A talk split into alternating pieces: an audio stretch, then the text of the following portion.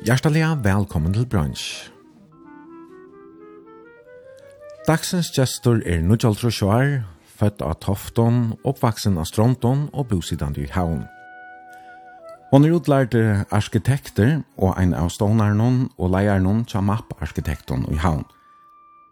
Herom framt så er hon limer i nevntene til førja arkitektafella. Velkommen til Brunch, Heidi Hjalgrumstetter Poulsen. Takk fyrir. Og vi sendte i morgen ur stoven i hjemme til her her av Tinkusvennen i Havn. Ja. En er storere, jøsere, kvitere stove vi nekvån jøs som flott om vinteren. Og dette her er en, en rettelig særlig hus, det er ikke helt nødt. Nei, Eh akkurat hvordan gammel husene er, og det vet jeg ikke ordentlig, men, men jeg vet så mye at husene her var steg i Koltre. Mm -hmm. Og det her var en halv særlig søve, Det var en maver som kallades Bergstock. mm uh, og han var bøndasåner, koltre, da her var det nok vært, uh, vi har kanskje tvær eller trutje gærere, Mm -hmm. og, og, men han har jo ikke noe å gjøre bønder, og vil ikke utdekke gæren, sier han fra seg. Og flottet så husene til seg, tok det nye og flottet det til havner, og sette det opp her, og tenker Sven. Ok. Og så hever han så arbeid som maler, så vet du hva. Ja. Jeg har finnet mine informasjoner fra Erland, Viber Johansen, som er sørfrøyngur og grann her som er. Ok, ja, men det er rettelig spesielt å slite enn, enn i hus, ja. ur kostre og til havnar. Ja. Jeg har ikke engang til noen ordentlig bridge men altså, det, det, man har vært nok så, nok så tro på alt, eller avbjøring. Ja, men, men husene før var jo... Uh, Eh och det har man sagt att det var borar dig, det var ju uh, tappa i samman så så att du kunde ta det sånt då. Mhm. Mm och där är husen närmast lymma i samman så det är inte så nätt men Nej, nej, nej. Men ta var då konstruktioner tappa jag så tar kontaktas där blir oss gräsätter, numrera jag, tecknar sånt och och så flottar eh alltså som tempor ja, och så sätt upp att. Ja. Ja. Så här är det en sövlig hus i Kosovo. Absolut, ja. Mm. Du kjøpte deg nær, sier du? Jeg kjøpte det i 2006. Mm -hmm. Men ta... Eh, hvis jeg skal si Lloyd syndrom søvnene til husen noen, ja. så eh, da Bergstock han var jo bandleiser, så han... Eh, ta i hand av så var det noen arvingar som, som arva av huset, men bo og omgang jo i husen husen så tejla jag det ut i några år. Eh, och de valgte så å sälja husene, och ta köpte en anka ur hästehusen. Hon var ösnebandleis och her var nog så näkvat er nere så via häste. Så hon hon hon flotte så til henne, kjøpte hese husene. husen. Hon är Louisa. Mhm. Och hon var egentligen bönta döttrar av Øyre Röntgen. Och sen har vi henne flotte så systern Torid som var uh, kommersienta halvt igen. Eh, och hesa informationer här vi från Mario Debe som är en, en bra ord til Louise Og, Eh och han hon fortalte att Torre Tom flott i mitten har var en pasta var någon her til Louise och så var en pasta var någon nere. Okay. Men där var hade pensionat mm -hmm. i hästen hos någon. Ja. Det var så som där eh är nära oss är vi, ja. Og, og her har jeg bo øyla nek folk. Jeg har pratet vi flere som har bo her, eh, lærerskolanæmingar, sjåmanskolanæmingar, og altså, ja. folk som er kommet av bygd og ikke skole i havn, har så bo her til henne, ja. Ja, nemlig, ja. ja. Og det er en rettelig stor hus, særlig at de husker om hvor skåne det er. Det er alt. Altså, det er alt tre, her er tre gulv og tre loft og Ja, Bjolka loft. Bjolka loft. Du, du, det är bara fjällarna i mitten loft och golv här på en. Så det kan gott vara ja. i första syntet. Du har det som fyra konkret på loften. Ja, nämligen. Det står Ja. Och så er det här att det har är det är nog sladdväck nek, vi kommer på loften. Det var en tur du hukte her oppe. Ja, ja. Men men nu har du hört oss lagt några där med samma. Men nästa smak kommer här. Det var flöjre smak kommer. Det var två, tre, fyra, det var fem kommer på loften och ett lite ves. Ja. Ja. Og det kan godt være havna folk kjenner seg husen. Jeg, jeg visste bare hva det var for en hus, da du forklarer meg hva yeah. det bor. Altså en, en god hus som standa liksom opp ja høyden her, av tenker og svein yeah. bare en sunn akademik som ja, de fleste havna folk kjenner hos svein, må aldri vite Store steiner utenfor. Ja, nemlig, ja, nemlig, ja. ja. Og praktfullt i utsunni, her er det fyra store vinter i vestretter og ett uh, som venter soretter. Ja. Det er nok så kjølsamt vi hos sånne hos hos hos hos hos hos hos hos hos hos hos hos hos Og av vinteren er det så høy. Ja. Det er hakre enn vanligt. Ja, ja. Det er det. Her er også skjørt som, som fer til å huske om, om uh, herskapsuiboner. altså, det var nok verre Vi er vel fire til feltene som har bygd det og brunnen igen. Ja, det er så Bergstock. Uh, ja. Han var så Bentason. Ja, han har mm. sikkert uh, haft akkurat åkra på noen. Ja, ja. Men, men det som var stått var at uh, ta i kjøpt husene, ta var det klatt vi... Uh, vi har en, en beklädning utan några tempere som, som förhövs där ensam allt. Ja. Och, och så var det som jag ventet inn og skiftet ut vid hosmor ventet. Okej. Okay. Och det stod för omvælding, så, så är för att uh, effekterna kramenter från, från Erland her nere. Mamma hans är ju född i hos någon här nedanför det. Så så här var några bandomsmenter för att hun var smadjenta, hon och bortjen. Det sa ut att trappetrin här utanför och ta sa i huset i bakgrunden och att här hejer vi det här urskärningar runt om vintern och jeg sa att här är vi att vinter jag själv så någon. Ja. Och hatta vinter jag själv så någon viktigaste vinter jag i hus någon Mm -hmm. Här här så tjå om man har check vad man gamla bokhandel Og... Ja. Så ta i på i leien och i vinter så fick jag hatta vinter vi och det är nog det som jag allra glädjast för det. Ja. I det. Så du har lagt det etter att varva han, han gamla støylen? Ja, så, absolut, ja. ja. Til hese husen här var en proportion som är veldig flott halv, ja. Mm -hmm. I bevägar i øsne heter vi kvisten om en lavera, til at att ja. ta för att bröjda husen, ja. Ja. Nu är du ju arkitekter och ja, ja. kanske kan du vara sånt i Fräsland till att färre gång du är att uh, adjust allt möjligt. Ja, men det är ju kanske också det viktigaste uppgåva är att då att lätta vera. Ja. Ta man skall. Det är, det er nemlig noe vi får prata sånn til meg om eisen, ja, det her er ganske monen, middelen, imisk uh, versk som tid arkitekter gjør. Vi først så er det mer et monument, akkur som ordelig, jeg stinker i uta, ja. men jeg lærer tog så, så rævde om at, at jeg skal lukke som lägga sig in i lente og, og akkurat passa till och Ja. Det håller du nämnde filmer att att att ordla går arkitekturer för omkörve runt om att att växa att shina ja ja nämligen. Ja. Där får du prata näck mer om sidan i ja och vi får att prata om mängd och kvärt men jag läser med kultursa center om te och tunna tunna bakgrund och tunna familje och ja du bor ju inte ensam med där du Nej. du har en son Ja, jag har ju två skiner. Ja, en som ligger på loftet ja. och en som är i Archon. ja, han är så nu flottet ner i Höjbukar. Ja, oh, ja. Samma vi uh, Synardam och, og Trymbötnon. Ja. Mm. ja, ja. Um, men det har vært bo her, Ösne. Men ja. så flottet det så ut och fick sitt äckna. Mm -hmm. Men ja, Pia sitter tar slottene, ligger tar slottene, tal, äh, fem, nej, 15 år gammal. Ja, ja. Han ganger i framhanssteltene, eller hva?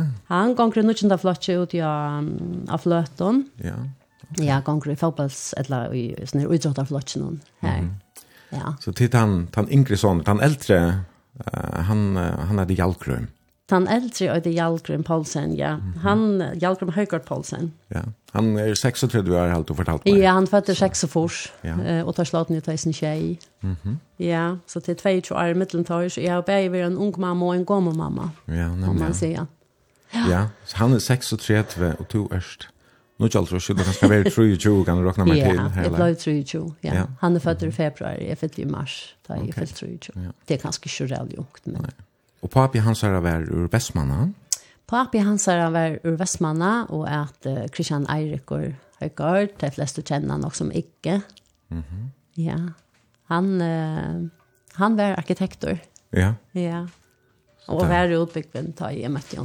Ja. ja. Og ganske han som gav det her utblåster til flere ganger vi Ja, det var det. Ja, ja. Jeg visste ikke at det var noe som eksisterer i, som fag, ja. altså til at vi er arkitekter. Ja. Kjente jeg ikke til det. Nei, jeg minnes ikke. Nå er vi der uh, våre nok så nær skilter. Han, han er bare ikke Olav Høygaard ja, med landa og Jolna mm -hmm. og jeg tar sist ned. Ja. Og Vestmanna, som vi nevnte. Ja. Men uh, han ble tyverre sjuker og andre är alt, alt att tolja så ja. han kan være han mitt i fjärden Ja, han uh, han fyllde han nådde akkurat å fylle fem i iron. Ja, ja då i 5. Det er sjuker ja. Han fikk krabba. Ja. Ja. Eh, og det tog tre år, så, så var det gjort. Ja. ja.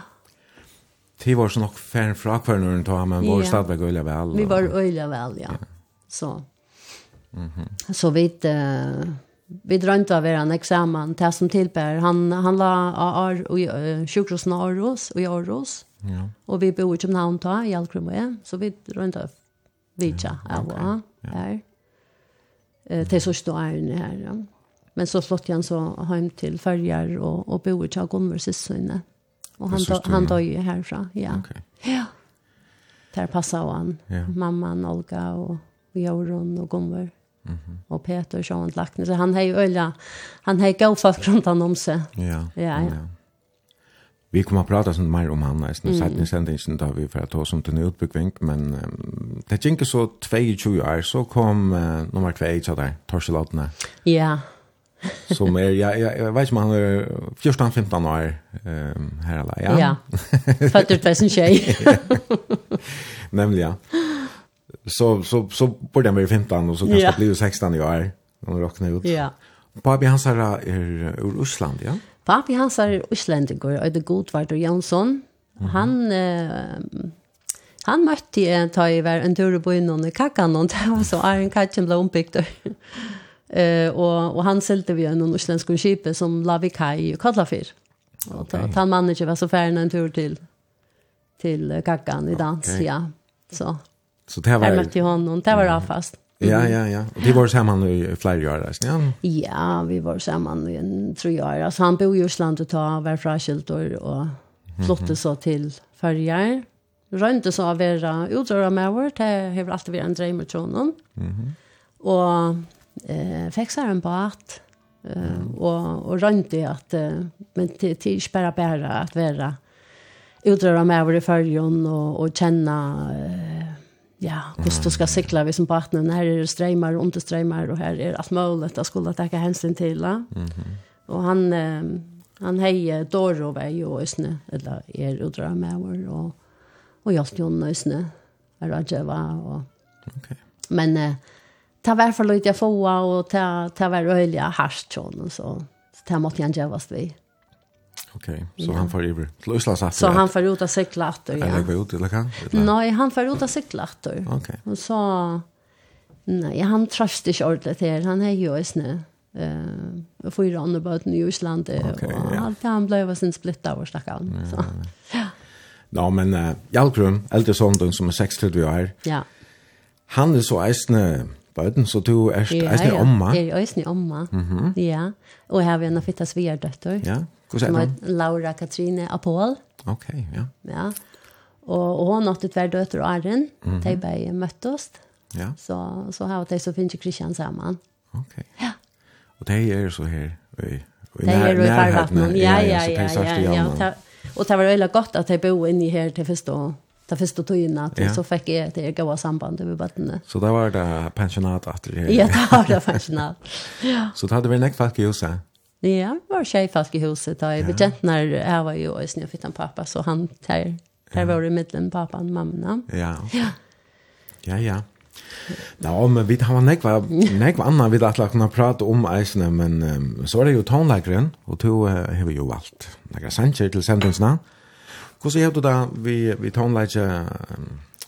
Ja, du har for tonelage og spiller eller synger du ganske selvveisende? Jeg, jeg halte tonelager er, er utrolig av tøytinga mykje for, for okken ødel. Altså tonelager kan om nærka få kjensler fram av folk, ja, og få de at minnes. Og, det, det rører vi øynene. Mm. Så det, det er sånn lyst for det er som du har skaffet gøyene tonelager alltid. Ja. Du er oppvaksen hjemme vi, vi klavera. Ja, pappa min spalte. Mm eh, han spalt klaver, han började helt tölja spela harmoniko. Ja. Eh, där kom kommer sen han bor ju, han var ju på Atna Stronton och eh fatter nu inte tjo så han var eh, det var ett, han han var liksom blev en halvvuxen ta i ungdomar kom och herra och och Og tar høyde jo alt mulig, lovvisser, så rønnsmenner, og tar, tar høyde fru, så, så spalte det harmoniko, det første årene på hodet av misjonshusen og stronton. Og hette så søver som fastemoen har fortalt meg, at uh, tar platta, jeg sitter i her med kjønnshusen og spela harmoniko og synja, og så at jag strunt stronton flokka og strontan om der, hitja og lorsta og Eh, og så den ene dagen, så kommer eh, den ene soldateren, vi en harmoniko til Appa. Eh, Appa var jo lærer i Stronton og Østnia, så kom inn her og, og sier at, at han har en harmoniko som jeg finner hål av bjølgen, og, og at jeg kjøper en nutja, og så har han lagt mest til at det var en unge dronker som har vist øyla større enn AHA for seg harmonikene. og, ja, og det var pappen. Det var så pappen min, mm -hmm. så han vill forere henne disse harmonikene. Ja og eh och och Glavor var pappa han för utvisar harmoniken sätter sig av backan och och fastor säger att att han kom att och så tog han en Hollandsank alltså det är han tätt alla öjla väl för. Mhm. Så han så eisen sig för att så tänka klaver sidorna. Ja, så tonlagen har fyllt nek. Ja, spel du några klaver så. Nej, jo, är inte börja ju pappa var ju musiklärare i Östnystrand men men Men det här rikkar inte. Nej, nej, det är Han är inte tolv med mig, jag är inte tolv i honom. Det är inte alltid det rikkas väl att det är föräldrarna som skulle undervisa. Nej, så här att det är av Svinsson, alltid. Det är inte han virringen som ofta ska vara med lärare och nämning som Nämligen. man glär ofta. Nej, men, men det, det gör inte. Mm. Alltså, men, men, men vi såg hon när var hemma. Det gör det vet. Och, och kor är. Ja, vi såg hon i Sankar. Det var Sankar och Stronton som Amund Bertelsen var stjärtna i. Det Halt er en fantastisk konstruktion att här i en bygd och sankor. Ja. Eh, det tar samlar eh, flera generationer och det var ju två två samman. Jag var samman med föräldrarna och chamar och i sandkåren och här var det unga och äldre och och onkel kom av skala och snö men Jörgen Thomsen han han var han var en sån urspel öliga stottlig med vår det var allt så kommersiellt det är en fantastisk social fällskap alltså fantastiskt ja, ja og og og det som er er at uh, det som er ordentlig stått litt, det er at Osmond Bertelsen, soner og Amond, han är nu startat kör og strand og så nå er det etter han her. Ok. Ja. Det er alltid veldig godt. Du får ikke finne seg ikke en om tunnelen kommer, det kan være som det lät, men... Uh... Nej, jag rönte en affär att jag började åter i sån här alla saker kör någon där har en ambition om att vara vi här men fann det att han inte försvärst. Okej. Jag helt har tro på det. Jag gavst. Nej, jag har alltid hatar en färd då. Du har valt att inte blanda en ton like. Vi får höra också från Batnaren och så där också men ja, teatrina. Mhm. Och helt nytt moderna förrest från vi vi är och Jeg synes det blanda. Mm -hmm. Nok sånn jeg kanskje som minner om av oss her tøyer og løven og sånn, men det som første, jeg vet ikke om han minner det om nega av oss. Tøyer skal jeg helt med høyre at du bare helt at Lena Andersen, hon er en fantastisk sang, yeah. sangerinta, og du er jo ja. spiller omkring sang vi henne. Ja. Alltså hon hon kan hitta här att uh, att skriva texter och göra lö och och just samma vid mannen och henne. Så han ja. han har ju ösn en stor pasta ut ja. Niklas. Niklas ja. Eh tej då en virkelig att göra bäjlö och och melodier som som färra bort in alltså mm -hmm. allt det. Alltså lustig öland jag vet den. Ja. Helt säkert. Och vi får spela en av tunnen, inte sanken till henne. Ja, Let, Your Stars, Dance. Er det noe særlig av oss årsøk du, at, noe av oss årsøk du vel just hentan? Ja, det er hette vi at, at vi kjenner sånne løsøv og, og, og, og livet vitt og, og, og ankesvekna, det er en fest, lov vi er en fest. Da. Mm -hmm. Mm -hmm. Vi tar her Lenny Andersen, Let Your Scars Dance. Lay down Lay them down at your feet. Soon you will be dancing To the rhythm of your own heartbeat.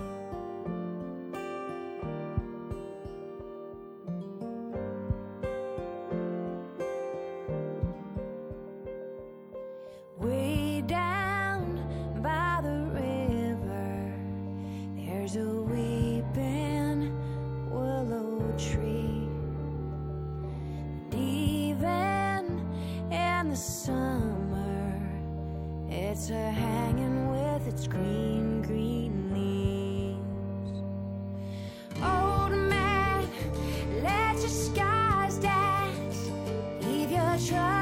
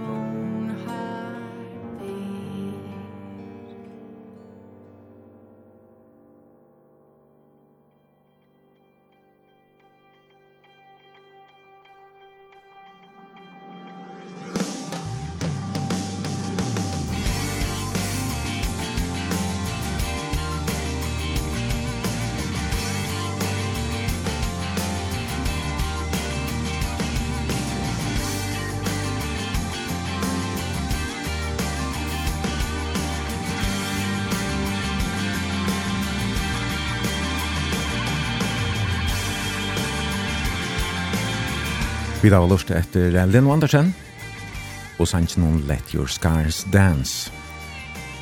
Og det er Heidi Hjalgrun Støtte Poulsen som er gestur i bransj i morgon og vi sender beinleis av Tinkesvennen i Havn. Og til som lortar er velkommen å sende en helsan en bimersing langra spurning av 22400 eller finna Facebook-synet til bransj stavas B-R-O-N-S-J Og Heidi, ja, Du er jo født av Tofton. Ja. Hva er våre foreldrene satt her? Um, mamma min øyde Marion Paulsen, hun var så født Danielsen, uh, og, og var Anese, og pappa min uh, Jalkrum Paulsen, mm -hmm. og han var av Stronton. Ja. Um, ja, mamma min, hun er, hun er ur en stor søsken av flotje. Hun heier... Uh, de var sex, og, og tverfna tvillingar, nok sjålsamt. Ja. Så den eldste uh, var ikke tvillinger, så kom tver systre. Den eldste var som Mari, og så kom tver systrar Birgit Lena, som var tvillinger. Mm -hmm. Og så kom mamma i midten her. Ja. Og så tar Bodjar igjen den, helt okay. og Bjartne, ja, tar også tvillinger. Det er rettelig særlig, ja. Ja, det er rettelig særlig, mm ja. Det er det. Så pappa din av, av, av Stronton, og hon er nese, altså av ja. Tofton, og han jag törs ju uppvuxna toften så han var väl flott i det på ett tidspunkt. Ja, alltså pappa han ja, han var han var så stront och hej en syster som hade Anna. Och han blev lärarlärtor och och fick så starva tofton. Okej. Okay. Ja, så läs ända Anna tofton och här är han som mött mamma. Ja. ja. Du nämnde ju Janne att Abedun var lärare i Eisne så ja, pappa hans var Eisne lärare. Ja, netto, ja. Mm -hmm. Så där Ja, la til høyre på en blå lærere. Så han får til tofter at, uh, at arbeid som lærere og, og ja. møtte som mamma din i her. Ja. Hva, hva fikk hon i? Ja, men mamma, hon, hon var krampakvinna. Okay. Ja, så han har nok kjøpt cigaretter fra henne i et lokskjør. Råkne jo i. Ja, men ja. Ja, ja, ja. Papadun, han, han lever så ikke langer, han døg for noen år siden. Ja. Tutsi, han lærer lei. Ja, 2012. Ja. Men mamma din, hon är Mamma är still, still going strong, ja. Eh och och är hon har fått en i fjörde så hon är hon var tror jag först i oktober i. Ja. Eh och här har det varit eh en stark kona och och vara mer förfärliga go. Eh jag vet inte vad det skulle just åt han henne i min arbetslöv och så vidare. Mm. Ja. Ja. Och vad tid är det tre syskon allt på vart allt mer? Ja. Ja, jeg har vi en boccia som heter Johan Paulsen. Mm -hmm. eh, og, og så kom jeg i midtelen, og så kommer en lille syster. Hun kom som rosinan pilsjentan da, da, da har vi over uh, første år, alt da hun ble født, Jana. Ok. Ja. Ja, ja, to fra, fra Trøy og Trøy. Han er så eldre enn to. Ja, han er født fra Trøy. Ok. Ja. Og, hon... og så Jan i 21. Ok, ja, ja. ja. Ja, ja, og du er så oppvaksen av Tofton til fyrst i årene, men, men ja så säger vi mer alltså du du särskilt Lucas som tun uppväxt han han Jack Fierce i Stronton. Ja, var Stronton, ja, ja. Jag har vi öland när jag familj och Tofton till till Appe var ju av Tofton ösne så. Ja. Så vi tar väl öland när jag river ja. och vi har familj men men men uppväxt är jag var fyra år gammal och har flott och ivra bra av så jag, jag minns inte näka från tog ta i boja av Tofton. Alltså det är det är färra minnervis som ja. jag har här. Alltså det bor ju i, i de gamla lärarhusen om grät yeah. grät de härifrån. Men det minns du kanske kört eller då eller kan? Jag halte mig örmenast gångarna och ta fin och trapporna här var en sån fin trappa på loft men det vet inte om det fantasier eller om det är väl minne men jag hållde okay. minnes det här. Ja. Mm -hmm. men det är som så där innan snart. Okej. Okay. Men så flott det så till ständer uh, var det på den som gärna ville ville ivra efter eller kan? Ja, alltså ta bygde man uh, Nutchan skola Stronton och okay. och man hej uh, man sätter fler lärare och pappa søkte så och fick testa starve här og Stronton, ja. Okej. Så ja. Men arbetade den given då eller arbeid der sammen? Abbe var uh, laktinsmaur. Ah, ok. Ja, så han han uh, han var ölle han han var nek från som lärare. Ta ta tojna. Okej. Men uh, Hvordan var det du sier han het? Johan Paulsen. Å oh, ja. Ja. Han var för for Ja, Ok.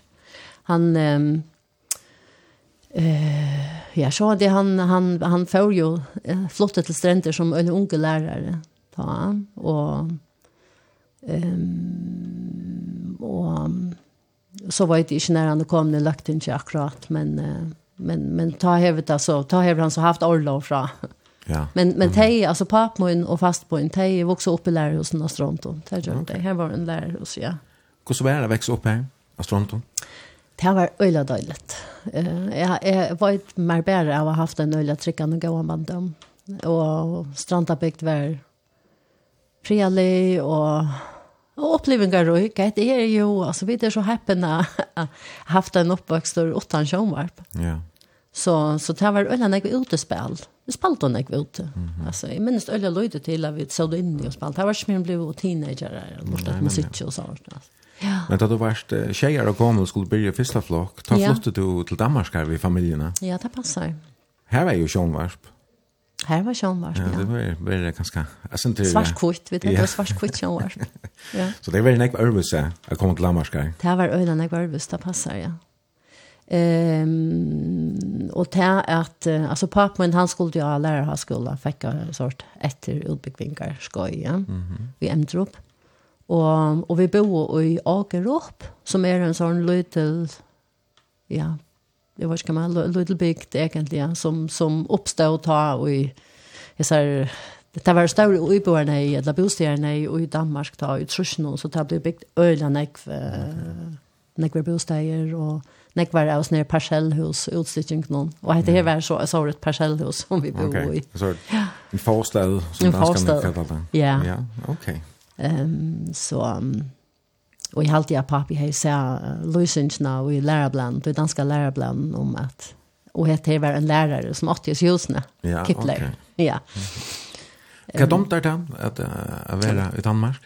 Men det var øyla var det. Vi ja. var bare åtte år, ja. Men man tog öliga väl. Jag fick mal in på en, en, en god mat alltid. Det är säkert rävliga kjøtt, så, mm -hmm. så skilte jeg dangst. Men ja. jeg var nok så låst den första, första dagen, skulle dagen. jag kan atle at, att bøttene i Danmark spalte under Gronnersbölen en tidigare i Stronton. Så det hade du 24 år. Ja, alltså eh ta checka en toja en effekt som så en av vinkon och som man kunde föra hem till så men men vi var när vi ute i Ösni här Mm. Og, og jeg minner særlig til at rodla av rodleskøyton. Ja. Det var det helt større. Og det var det sier rodleskøyton vi fyra julen. Ja, nemlig. Ja, ja. ja. Det gjør man jo ikke når jeg var i førjen. Her var veien, veien er kanskje ikke ordentlig høska. Nei, nettopp. Jeg minnes da jeg flyttet hjemme og var veldig spent på å bruke der, men det, jeg, jeg halte til å komme omkant fram at du. Nei, nei, men uh, ja, ja, så de kom hjem 18 år og, og tog jeg til skolen av Stronton, lykket til 3 real, ja. rett om herfra. Ja. Ja, ja, så ble jeg i Örnflötch och Stronton og ta var vi det gamla skolan, minns det. Mm -hmm. Och um, ja, og så, og så flott vi då man i Nutcha skola, alltid i Tria Flötch, eller vi hade okay. alltid, vi var bara då i Norge gamla skola. Mm -hmm. Ja. Et som du har greit meg fra til er at um, du uh, nok så tølja i løyven om byrja at arbeida. Du var ikke mer enn tølvare gammel. ta, ta Først du at arbeide i sommerferiene. Ja. Og det var en kjent handlig her i havn. Ja, um, I halte det var tog at en vinkona kommer Alisa, Hon får til havner og skulle passa eh uh, tvillingarna tja en mastsyn här i havn och så ville jag ju släppa till havn. Okej. Okay. och så eh uh, så spurte mamma om hon skulle spyrja eh haltor. Jag kan inte Christian säga om om mig kunde släppa arbete här en natt ja säger hon korsta nej till det kört ju nytt. Så ringde jag till till fastmöna Anna. Ja. Och och jo jo hon skulle hon skulle spela. Och hon har alltid varit med gå alltså. Ja. och han man kunde stå på så hon ringte jag åter och säger jo jo nu har hon sport halt och det var gammal och jag kunde bära komma så. Ja. och vi kvar henne. Så du var en hela sommarferie han och arbetade. Det var en hela sommar och flera sommarferier att han hade. Ja. Tja Katrin Kristiansen ja. som är där är en mätstova. Nu är det mätstova. Ja. Men det är ju fasta mun var gift vid Peter Kristiansen och Peter Kristiansen var son av Katrin Kristiansen. Ehm um, och och och Halldor Bodje Peter. Ja han han övertog handeln till mamman då. Ja. Ja, han han minns det väl. Ja.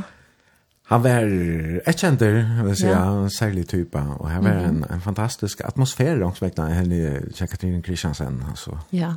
Det var alltid folk som, som stod här och pratade av. Och. Ja, nämligen jag pratade om. och till halter var öliga pratningar som själv. Han var östnön öliga vitande med vår. Ja. Alltså i verkligheten så hej han han var nästan lever vi en uh, kemiverkskrönka uppbyggning. Mhm. Eh, og gavst eh, bort Arnan, uh, egentlig skulle jeg avslutte studiet, tog mamman døg igjen.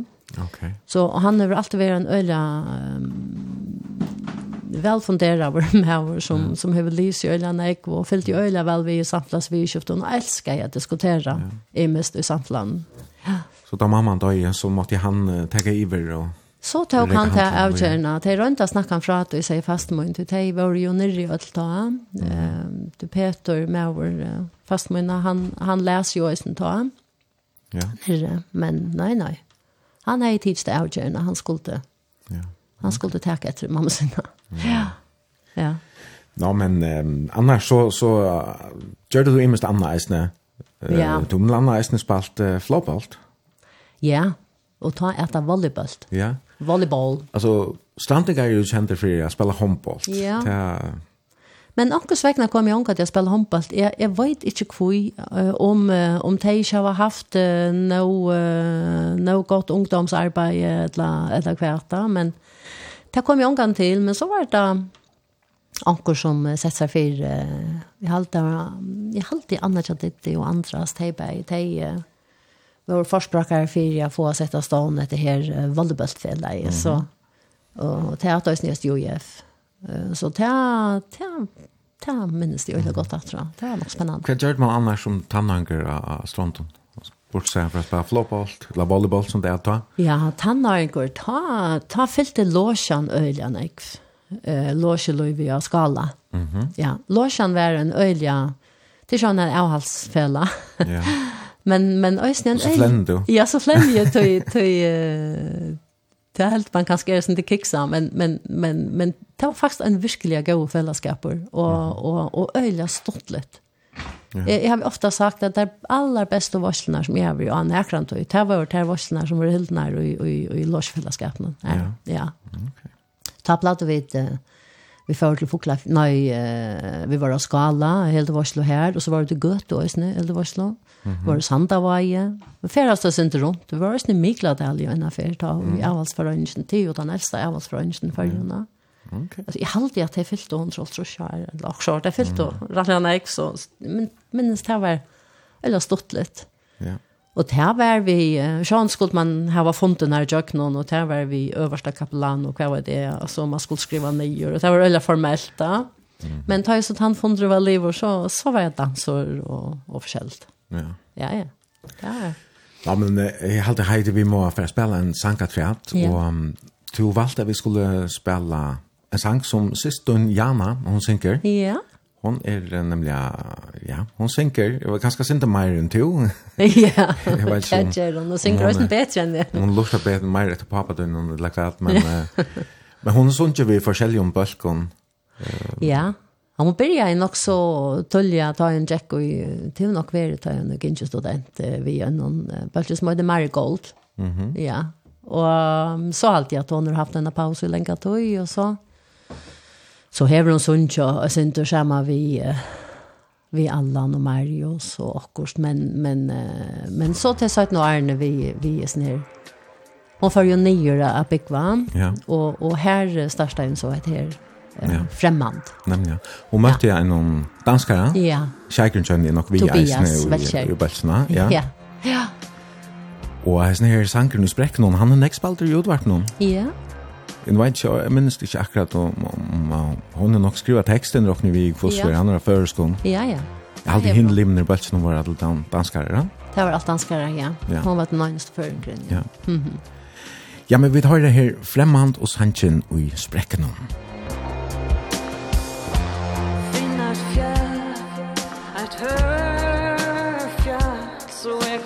vackra ord Att tynda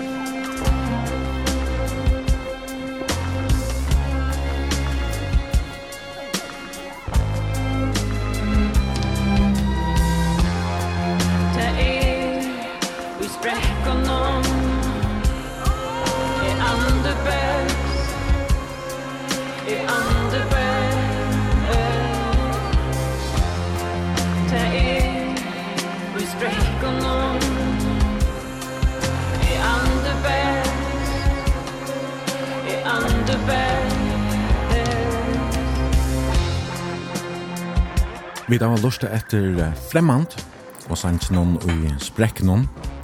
Og til er Jana Paulsen som er sister dagsens gest. Heidi Hjalgrumstøtter Paulsen som synger den her sangen her.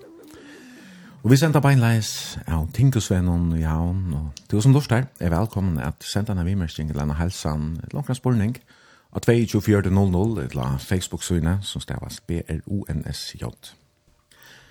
Ja, nu greit du fra det her um, ungdomslivet, eller ja, de var jo ganske nok så ung da de begynte å gjenge låsene, jeg vet ikke om det var ungdomsdelten eller badnadelten, eller... Ja, jeg vet ikke om vi tar ver, um, vi tar sikkert ver så er 12, 13, 14 her og da, ja.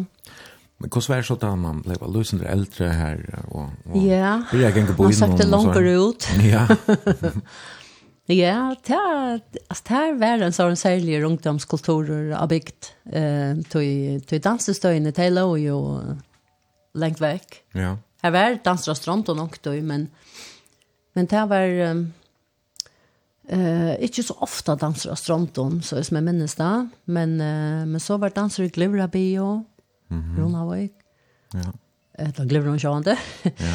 og Fokla för og i Etnene, og Onkti för og Vestmannar, Kotla för. Ja. Så det rådde jo om at, og vi tar ikke karkost, så. Nei. så vi kallade det för ut att tråla, så vi måtte ut av genka, atter och fram, inte långt tog och knå på i. Ja, ja, det var maten man gjør det på. Det var maten man gjør det på, ja. Ja. Du um, fortalte meg nesten at du så at han har tre real, så forstår jeg en tur til USA. Ja. Ja. Vet jag vanligt när man gjør det da? Ja, her har det vært eh noen undan mer røysene som har det varit eh og och Herald har det varit jo ehm av skala det har det og hei, og jeg snö eller kan man hotell vill ju eller gärna till. Jeg har sikkert alltid haft den der utlandslön också vägna. Ehm Så til slappe, og vi var fem føringer som fører til Amerika. Ta. Mm -hmm. Etter var jo i fors ene fors. Ja. ja. Hver uh, i USA var du? Jeg var i Ohio. Ok. Ja. Hver en bod du tja, og, og hvordan bod du? Ja, det der tøy du, tøy du søker av fest, så først du en familie. Og, og du kallar deg for mom and dad. mm -hmm. og du først noen krysskjenne. Ja. Så de var begge tve lærere, mm -hmm. og hadde trutja døtter, tverra dem gikk college, og en gikk i high school sammen med meg. Mm. Ehm och och det som jag upplevde det var fast rättliga inte chockera men men allika väl helt det där att visst man har en sån mynd av att i Amerika är rödrik men ja det var ikke ta mynden jeg sa. Altså, foreldrene kommer taste de, de och oss virkelig for at jeg var radla, jeg var tverdøtter i college. De var bare, de arbeidde bare tve som lærere, men, men uh, dad måtte jeg arbeide som bartender om, om kvalitet i country club for at uh, For jeg har råd til at, at jeg var bøtten jo i college. Og jeg, jeg minnes det at jeg heter vi har køret bil, altså. Vi bor litt sin det borte fra her som skolen var, og jeg spalte jo også en volleyball her i det. Men eh, kunde vi kvart ikke vennja til at uh, hvis det ikke passet vi at, at mamman var her, og, og hun kørte bare tverfer at og fram, du, man, man har ikke råd til Møyra. Uh, Nei, ok. Og ikke bensin og Mm. Var det godt år annars? Altså, når jeg sånn, fikk du nøk på sjur helt da? Ja, det har vi holdt sikkert Alltså Altså, kanskje... Sjån det här du to veckor sjånar ingen chatter to fast du fast intryck av en ören kultur och heter her, vi hur så sammansatt Amerika egentligen er, alltså och hur så näkt det fasthållta eh så en upprona kvar det kommer fra upprona ja alltså Uh, de kom jo ur Holland, ur Tyskland, ur Italia, ur Puerto Rico. De kom alle mulige steder fra. Eh, og, og, og tannkulturen fasthalta de, altså samstående som de bytja sin egna felags amerikanska kultura. Ja. ja. Men uh, sikkert deilig å komme hjem etter Allegal, at man et år. Ja, og jeg halte jeg øyne at man bonast utrolig enn jeg tar man for bortstår på andre maten. Altså, mm. man... Eh, man man blir klokare på nek ting alltså på sig själv man ösn ja att sätta sig och sen dra i perspektiv. Men men men för källa var hemma ja. Men alltså där familjen inte var så väl här så var det kanske inte så nek för annars som titt upplevde borsa för att vara hemma och alltså jo alltså te Eh jo, vi får och turar. Eh, kanske inte grulliga läkt vi tar imon, men vi vet av familjer som tar hött då. Eh och och så var det ärar familjer som tog med vissar. Det var en tur i Florida. Ja. Alltså AFS var en sån fällskap som som var nog så aktiva här. Ja? Så så det familjer som Den ena familjen här i en AFS namning från Belgien. Ja. Vi var i Marvi. Ta ett okay. för vi honom till Florida. Så här mm -hmm. är vi värre. Mm -hmm. Och vi tjän. Ja. Du valde en sang som, som du kanskje hørte først før da du var der i yeah. USA. Hvordan vet jeg? Hva var? Du var et konsert, kan man si, vi uh, Barry Manilow. Va? Barry Manilow, ja. ja. Altså, det inte då jag at dette var han tålagen i lusta i efter i Amerika, men det var rätt att slett litt, det var två veckor som uh, tog mig vid till uh, en konsert vi Barry. Mm och tar vi sauto här så sier den ene vinkoner, vem men vad står av att det sitter 45 000 folk i uh, och samma vittar här och just när husen ja. lyckas snack som det är och, ja. föringar ja. i landen om det var mm ja. Det platte, han han platte ha störst orkester det blade han Ja ja ja han var öjlig han var i sån någon strammon bodysuit och och fjärar och allt sånt ja, ja han var öjlig ja.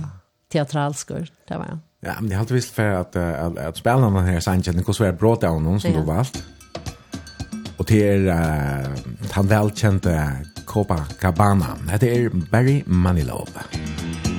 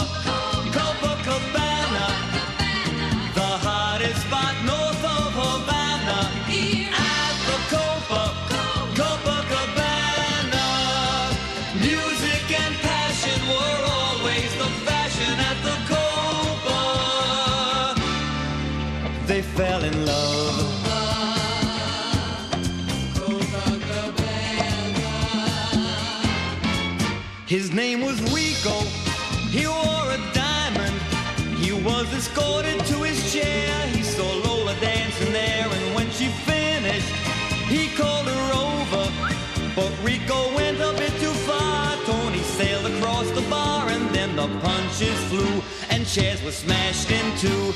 There was blood and a single gunshot But just who shot who at the Copa Copacabana The hottest spot north of Havana At the Copa Copacabana Music and passion were always the fashion at the Copa. She lost her love.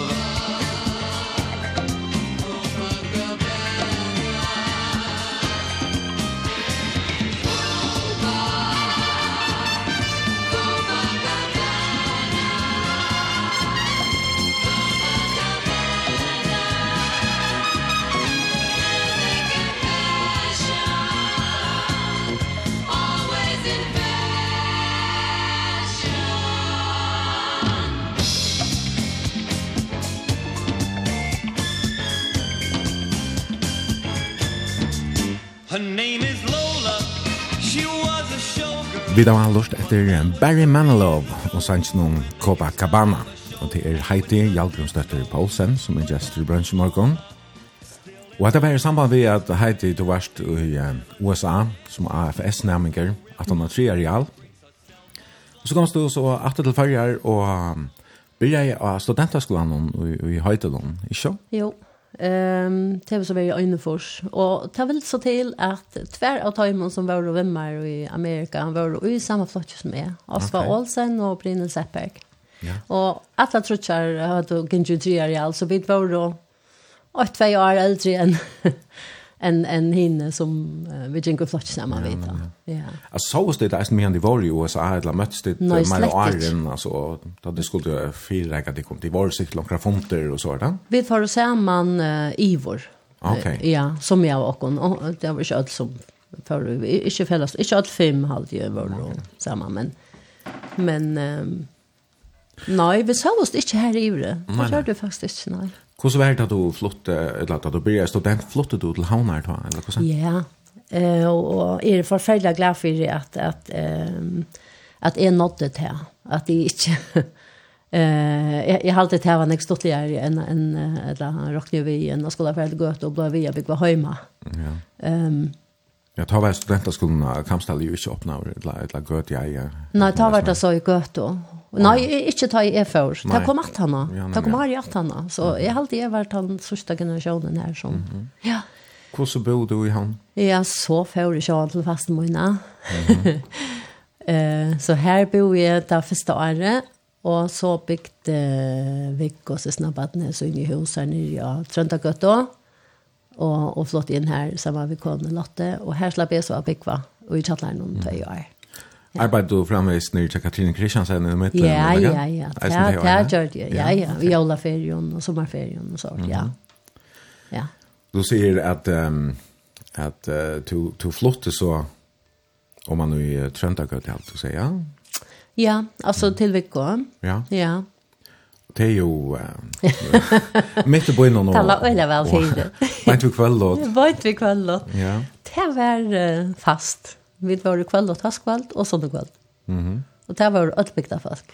Uh, jeg var en lærer årsøk. Altså, jeg skiljer slett ikke hvordan vi det var mekna jeg møtte skolen. Og, nei, Frutja morgen og, og, og, og manna morgen, men, men det, det, det, det var øyla lenk vikskifter. Det var lenk vikskifter. Vi har høstkveld nere kveld, og så Ja, så typiskt så får uh, de fältsarna som var av big, de unge, de får så hem till ja, hembygdena ja. og var här frutja där, frutja kveld og leia kveld och kom så efter söndag til launar. Ja. Och så i kväll och efter söndag kveld. Ja. Så kan ju atle att man kanske inte alltid var så frusk når man säger att det här skulle... Nei. Skulle på man. Det kunne vi ikke ha värre, men i minnes inte det som er problem. Jag vet Man... nej, nej. Det var, var en god tog, eller Det var en øyla god tog, ja. Det er alltid. Og spalte jeg også nek flåpast da. Ja, og i havn. Vi tar høyt, altså var vi flere. Ja. Ja, Herman Lemberg var en sånn primus motor. Mm -hmm. Så du var lige vel fyrt at jeg spela flåpast? Det var ikke, det var... Det var bare grullig og stått litt. Altså. Spel du en, ja. eller hva sier? Nei, det burde jeg kanskje, men det gjør jeg ikke. Nå kan jeg ikke drikke holdt den fyrt. Det er så feil. Rick Kroll? Nei, ikke Rick Kroll. Nej, ja, fysioterapin här i Gottadal. Även när jag småter rekolt och ta kanske till tvärfrån vikna och en timme. Och det är veldig gott. Det det gjør att jag kan hålla för cykeln så. Så jag pjövs ikke floppast men men annars är det ganska väl godt. Går så värst annars alltså ungdomsåren värst en sån som allt var vid att det var ball och de där väl på innan och allt det där. Ja, det har alltid men de till öle väl det. Ja, men eh minns det alltså väl ös att det var nog så ehm alltså väl nog så fokusera stolar och såna saker som jag skulle skriva det. Det halt jag fick allt just. Så att man domte det öle väl. Ja. Ja ja så. Och fick en en goda studentskola examen eller kan? Ja, det var höjlig alltså det var den, Mm. Ja, ja. Nok til at det slapp inn när tekta skolan, ta skulle man bare ha med alt det. Ja. ja. Men visste du hur långt du tar? Nej, det gör du ju inte. Att, att du skulle vara arkitekt, va? Det visste jeg så ikke ta nei. Nej. Nei. Vad var det? Målslig del du tjekka? Ja, jeg var nu i Ja. Eh, det vil si, ja, vi haft uh, fått något bröd eller tog inn, og Mhm. Ja, hon är kvar mal. Hva er Atlanen hej då. Där du varst i hessen allt. Ja, Alltså egentligen borde det kanske vara också som hej vill vi vi humaniora göra men men men hej en dröm om att bli lagt nu Alltid. ju men men det är ju så kraft att det skulle haft några så blir det kurs och så men men det var inte så blev Leo i Höjtolon och bara att han mötte jag Ikka. Ja. Så. Och hur blev det så nära vi vi lagna läs nej. Ja, i var klara för att läsa vad jag i halt. Så jag arbetar jag Katrin och Ja, men du søkte nok til sjukrasøster på et tidspunkt, da? Mm, ja, yeah.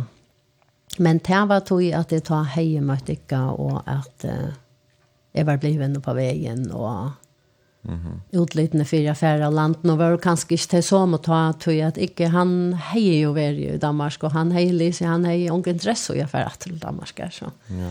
så, så prøver jeg ikke etter hva man så kom til her i følgene. Ja, men... Jeg var vikar av Stronton og et år til Øysen i Atana, og var til vel å være lærere. Mm -hmm. Men, men av lærerskolen ta, eh, valgte man å skifte midlene til jeg lærerskolen nærmere inn, og namsrøynga nærmere inn. Ok. Så akkurat det år i 18 år tog det namsrøynga nærmere inn, mm. så så tänkte jag okej okay, så kan jag kanske prova söka till geografisk men men jag slapp inte in till jag förlagt snitt och fysik från från real. ja. Så det är de du väl lärare lärare starvar. Ja, det har tagit mig väl, men um, så Ja. Men så blev vi också fascinerade av tog som inte sagt och gjort det med de det döliga väl. Mm. Och här har vi alltid haft då att, att teckna och skapa sig mig och ja. forskjellig sort. Så. Flåbølteren har spalt en stor leiklåt ut, ut i noen løyve, og var er nok eisen en av årsøkt Alltså Obailas ja, artikel att du mötte jag. ja.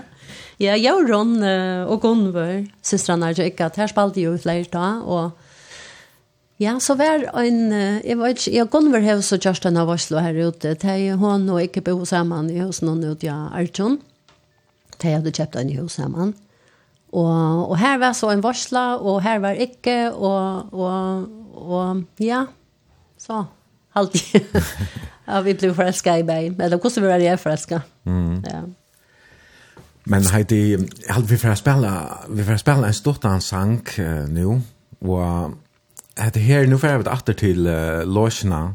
Eh uh, eller dansestovna kanske Astronton. Ja. Yeah. Det här var en bölker som uh, tog uh, alla färger vi vad man kan säga vi storm ta yeah. en affär med i forskningen. vi uh, där spelade ju showmansvisor och en mera pop och de uh, rytmisk hon hem, ja. Ja. Bølger tonelist. Ja. Det var ju det var ju strandingar, ja? Det var jo strandingar, og der... Tar betøtt en ekk for jokken og stronten og fire, fire. Det var nekka som man sa opp til, og, og andras kjente jeg, han bo jeg fløtt, og nær, nær vi chockon og... Og hans hei vel lærer tjokken, og i Ørnumflotje, og...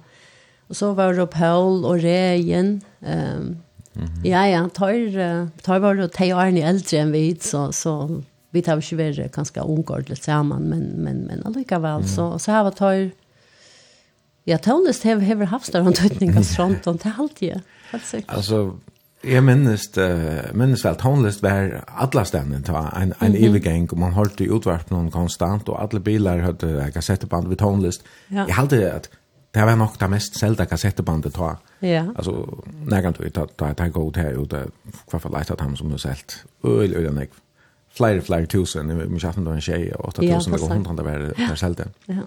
Man har ikke nek tonleggen ut det, at han, Nei. Jeg vet ikke, om man kan ikke være så lengt til jeg er haltbær, men det er ganske eisen til jeg det er endre innspillinger, at det er det som man sier, hva det er som populært cover-versjoner. Ja, ja, ja. Altså kjente sanger som har finnet noe John Hamm. Mhm. Mm Og det er, det er heva det ofta vi så er koa versjoner.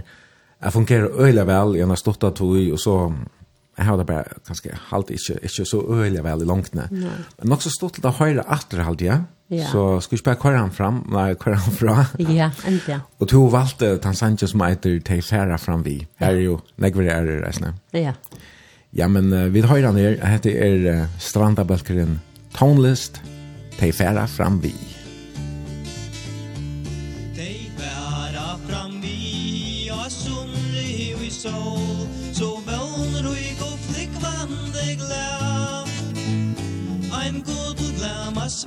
Ivar og Sigmar Dali Som i vondreime sveimar av stav Dallo og i gyrtei så leande lød Lugevande kærla i går Hon kjenns som hitt unga og har sol Tja pøtnun av sunne og sol Så hittas de saman tvei og tvei Og kjälvande rajas er bå Men sorgsvakta notten gav hästblöjgan drej Och i bari och sommaret jo Dei færa fram vi som tæffulna i alleiv Og i milesta haien om fleiv som mammor vi syrja ta tuirasta om Bøtnene åtulja deg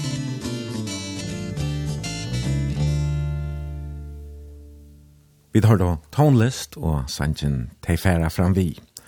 Og det er Heidi Jalgrumstøtte Poulsen som er gestor i bransje morgen. Og vi sender beinleis av Tinkusvennen i havn. Og du som lustar er velkommen å sende en vimmersing, en helsan ut langt spurning. Og Og eller ferna Facebook og finn brunch her, stavast B-R-O-N-S-J. Da heiti vi da har prata om uh, ungdomsårene uh, i tjadar, og du varst, uh, ja, tjekk skola stronton, og så forstod til USA, var AFS, og så til Havnar, jeg genga student. Og så møtte du altså mannen som, uh, som uh, sættene ble på at til den første battene, ikke var han røpter. Han er at... Uh, Christian Eirik. Christian Eirik. Ja. Høygård da, ja. fra Vestmanna. Ja. Og han var 20 år eldre enn to, og han var arkitekter. Ja. Og to ble, altså, hodtidsene av hans arbeid. Ja, mm -hmm. ta da, ble vi. Og um, fikk hun, jeg visste, hei, hun har gjør et eller annet kreativt. Jeg har alltid lagt ned uh, ambisjonen, hun, han har kort i et rom. Ja. Og um, søkte så eh, bei inn av, av designskolen, til Klatna Design, og arkitektaskolen. Mm -hmm. Og jeg slapp inn av bægen faktisk, men valgte så arkitektaskolen. Og började så her i, i seks års. Men, men ta han var i allgrym sjående føtter, og, ja. og var seks måneder gammel. Så du blev på vägen nog så tolja att man hade ja, möttes? Ja, ja, ja, det er ikke länge då, ja. Ja, ja. ja. Så långt där alltså att att det var färdigt och inte han var värant efter för eller vad så. Ja, inte hej finch ett öla gott starv till landsbygdsfällan och och och trust öla väl och hej goar och Albion uppgifter. Han han han var ju en männing och hej körde ho att att att att sluta till och och föra ner att alltså han för han var där som har beommat Ja. Ja, nej. Så men men arkitekten stod ju värd på att han matan att hej fyra mannar sommarferie. Altså, det var innbyggt en sån periode til at arbeide akkurat eh, praktiskt av teknostov. Det var mange kurser, vi tar med fyra mann og navn. Mm -hmm. Så, så vi tog så, så så kunde vi vara hemma så här fyra månader när jag kom och ja. Ja. Så, så vi fick ta gänka på tammatan och lycka väl. Mm, ja. ja. Men annars, hur ska det komma ner? Ensamhet vi uh, ja. Vi har lite partner? Ja. Ja, jeg får nye selv. Uh, Hjalgren var etter tjekka. Jeg helt at jeg kunne få ordna et her vi uh, der ståndlås og forskjellig sort først, og så, så kunne Hjalgren komme. Mm -hmm. Men det var ikke at det var slett til. Uh, tog at uh, battene skulle de ha bostad i Danmark for å kunne få en stånd. Okay.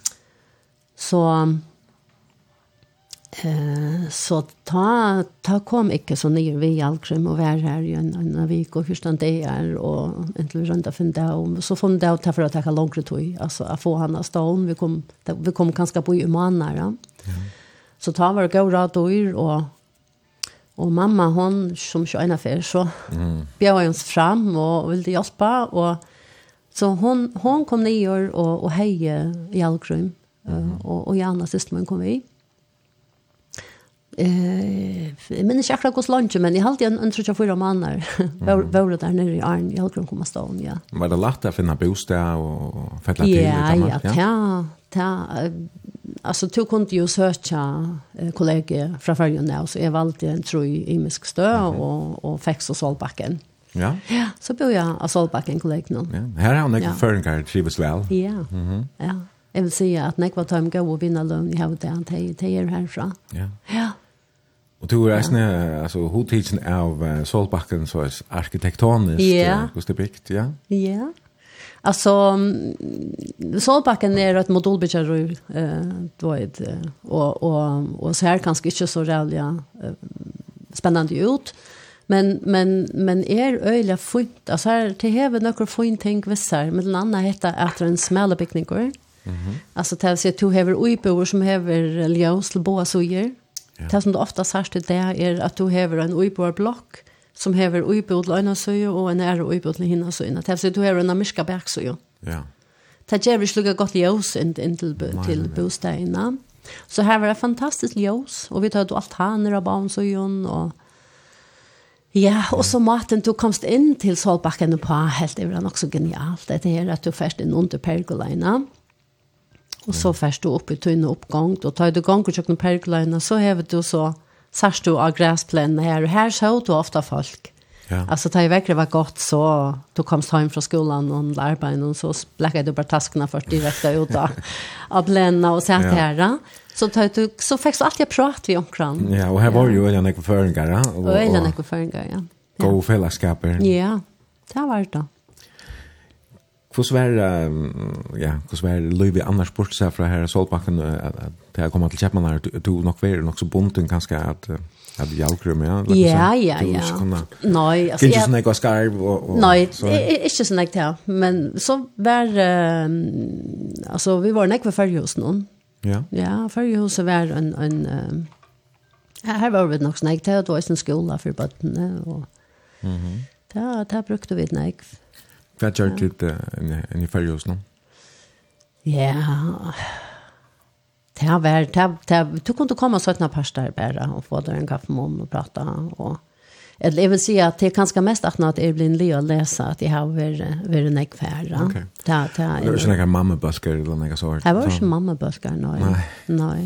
Marsten var stjøri her. Ja? Ja. Mm -hmm. um, men sånn at jag vet ikke om vi hoppar ganske sönder och i tog nu men men uh, ta och i Vikingo så att boa Solbacken ta var följe hos uh, Hinemena Västerbrogatte.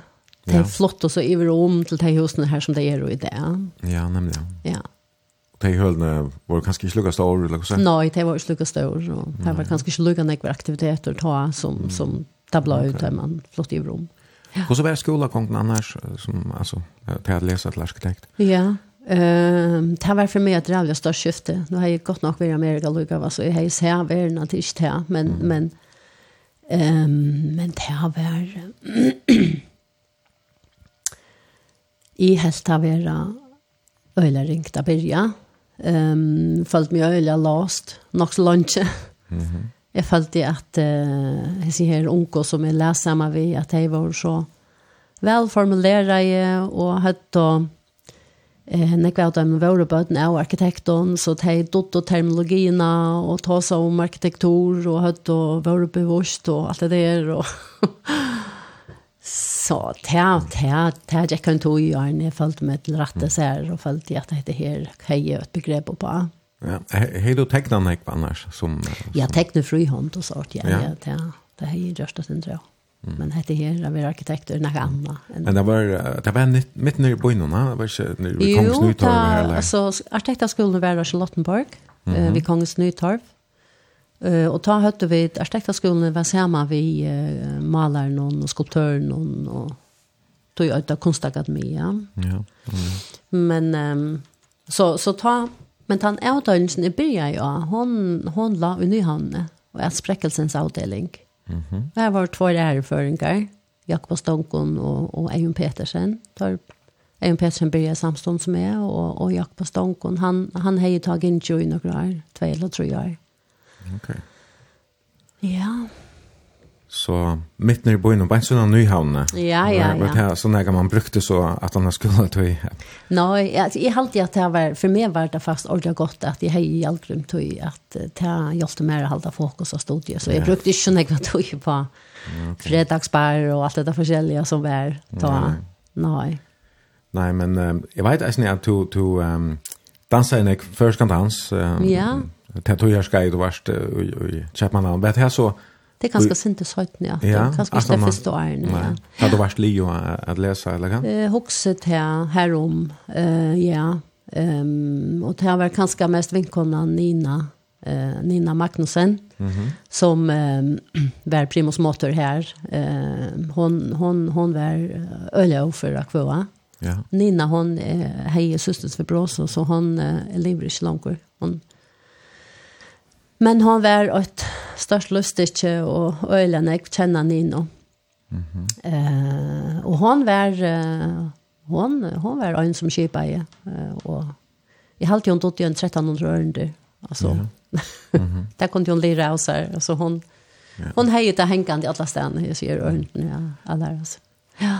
Hej då hei du några runt vi først kan danse och arren til. Nei, det er jo vad så ikke annet enn etter her, alle ryttere og så kvart man jo dansar ju i skolan og nej, Nei, nei, ikke det større. Nei, nei. Nei, men ehm du ehm bär mig finna ett et kläje fram så vi kunne høre yeah. höra centralt du. Tror at, ja, jeg har alltid til å ha haft en till tydning och i i i tunn arbete som arkitekter, ja Ja, alltså, det kom så ut nätter. Ja. ja. Men uh, lät man kunna lucka lusta efter noen øren då ner att det är uh, dansafälla i havn og kväje regensmyr.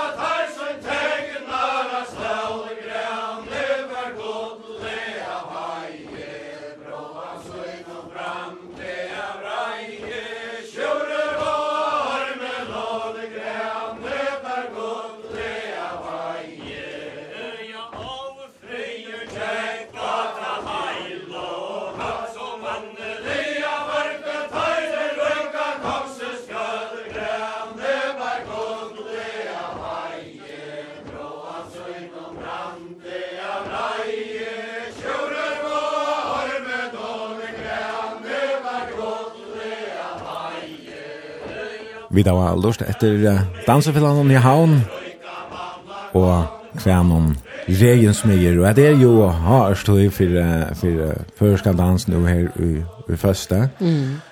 Og heiti, du hei uh, bi med valgt et kvæje tog um, til ferdig til å huske om Fototrack, som var et dansefelle i Kjepmannahavna, som yeah. var, det var nok stående av, av føringer som var limer i sånne her dansefellene i havna. Ja, jeg husker det. Altså, de, her var det noen ung som, som låsene, som, som hadde en passion for førskånd mhm Mm. Ja, og og tei tei ståna og så etter fella i fotatrakk. Jeg var ikke på nærmere mat en part så tog. Nei. Men uh, ja, ja, så. Men uh, du nevnte for meg da vi pratet sammen i Joar, jeg ser her fantastiske kjenslene at jeg danser mm -hmm. uh, lukka som, uh, ja, du kan selv forklare hva du ja, ja. ser det året. Ja, det er det her vi... Uh, att att förska dansor kan vara transcenderande ja. ja. det opplevde jeg her, eh, og nok bare så øyne og ferien og øsene. Det var, eh, danseren Jack så utrolig vel. Altså, det var akkurat som at, at det var ødelig høyt og så her, så med rytmene og... Mm -hmm. Eh, uh, hentar känslan av att att att ha blivit en sammanhängande vera det här dansrinkerna och ja. att, att man närmast svajmar av gallen eller så. Det ja. det, det gör oss inte crazy men men men men ta till något som är minst eh, uh, mm -hmm. alltså som kroppen ja. minnes helt tydligt, ja. ja. Och det er också vi att, att det är ett, ett fält det i ja. mene tjokk og människor som... ja. Och vad var det, var det mer? Då, ja, mer har fortalt mig hattar. Och det, ja, ja, och det var så i samband med att det är vi tjock och och att, att förskedanser är, är en, en, en mat i at... Uh, Jeg forteller jeg søver på, og Østene er det teatralst på, på en annen måte. Mm -hmm. Og så heter vi, um, vi til før skal danse, og da, da forteller hun heter at, ja, men, uh, nekvar gamle uh, mentene heva eh danser uh, på handamatan och och det som är felax är uh, att man häver ett ett center ett vandrat center. Mhm. Mm ja. Det vill säga, ta, ta ut dansa för ska dans. Ja. Ehm så så så så är det akkurat som en krabbe då skruvar det galen någon plats. Vi ska ja. förklara på den så Hvis onkel utlänningar kommer på i rinchen ja. så hoppar han upp och ner då. Ja, men ja. Då sarsta bena vi att, att vi kommanderar alltså inte infötter. Nej, men ja. Det är vi så upp och ner helt en nivel efter. Ja, akkurat. Ja, ja, ja, ja. Det här att det vandrata centret som som nog ger till att då lätt fast det ser som rytmen och smälta samman. Mhm. Ja. Ja, men ja. Ja, ja. Så det har upplevt då det här nere jävla... Ja, det var så. Att det blev sånt det transkänt. Ja. Jag också ganska eisne nekla som kvar nere och länk. Alltså då yeah. prövar jag att hitcha och jag skulle välja till sändningarna. Och här omkring av dem som är har en annan timme. Så alltså det hade dansa har en annan timme hem så, som, så blev det från som vi indianer någon som slår trumma och, och då är... Passar. Vi vi och, i lenge tog, så, så hender det et eller annet. Ja. Andan kommer iver en og svegna. Men det krever allikevel at, at folk har en god rytme, ja. og at, at, at danseren gonger vel, at, mm. at du går en kjøpere, og, og folk er over igjen. Mm. Det står til det at, at danseren allikevel har det så godt. Man, man er veldig altså, bekymret over vi kvørst om, om først danser nå for eveliva. Ja. Ungdomen uh, helt ikke ordentlig det var så stort til det. Få oss videre lære i skolan, noen helter Men men det virker som att att han lever han lever så egna liv. Ja, jag hade det då otroligt väl att sätta vi. Ja. Alltså nu var vi ute i någon skøy och jag har fått och skoj och jag har skolan någon. Mhm. Och ta hade det jag dansa skoj i øsne och här var det helt ung folk som ja, ja som som Ja. Var det att vi ska in. Ja, men helt særlig, så. Ja. Det är stort. Nu har vi jo eisen en spårna kapping i utvart någon. Hon var efter kväll. hun, hun var äsna senaste leia kväll. Mm Det er eisen stort til en, en annen måte at varspa jås og førskantdans. Og jeg vet at uh, dit brukar eisen førskantdans uh, som uppblåster i onkren av de yeah, yeah. arkitektoniske verskene mm som tid har gjort, mm -hmm. mapparkitektene. Yeah. Men landa i, i Kjolaghusen. Kjolaghusen, ja. Altså her er, er det absolutt en, en bærende uiblåster.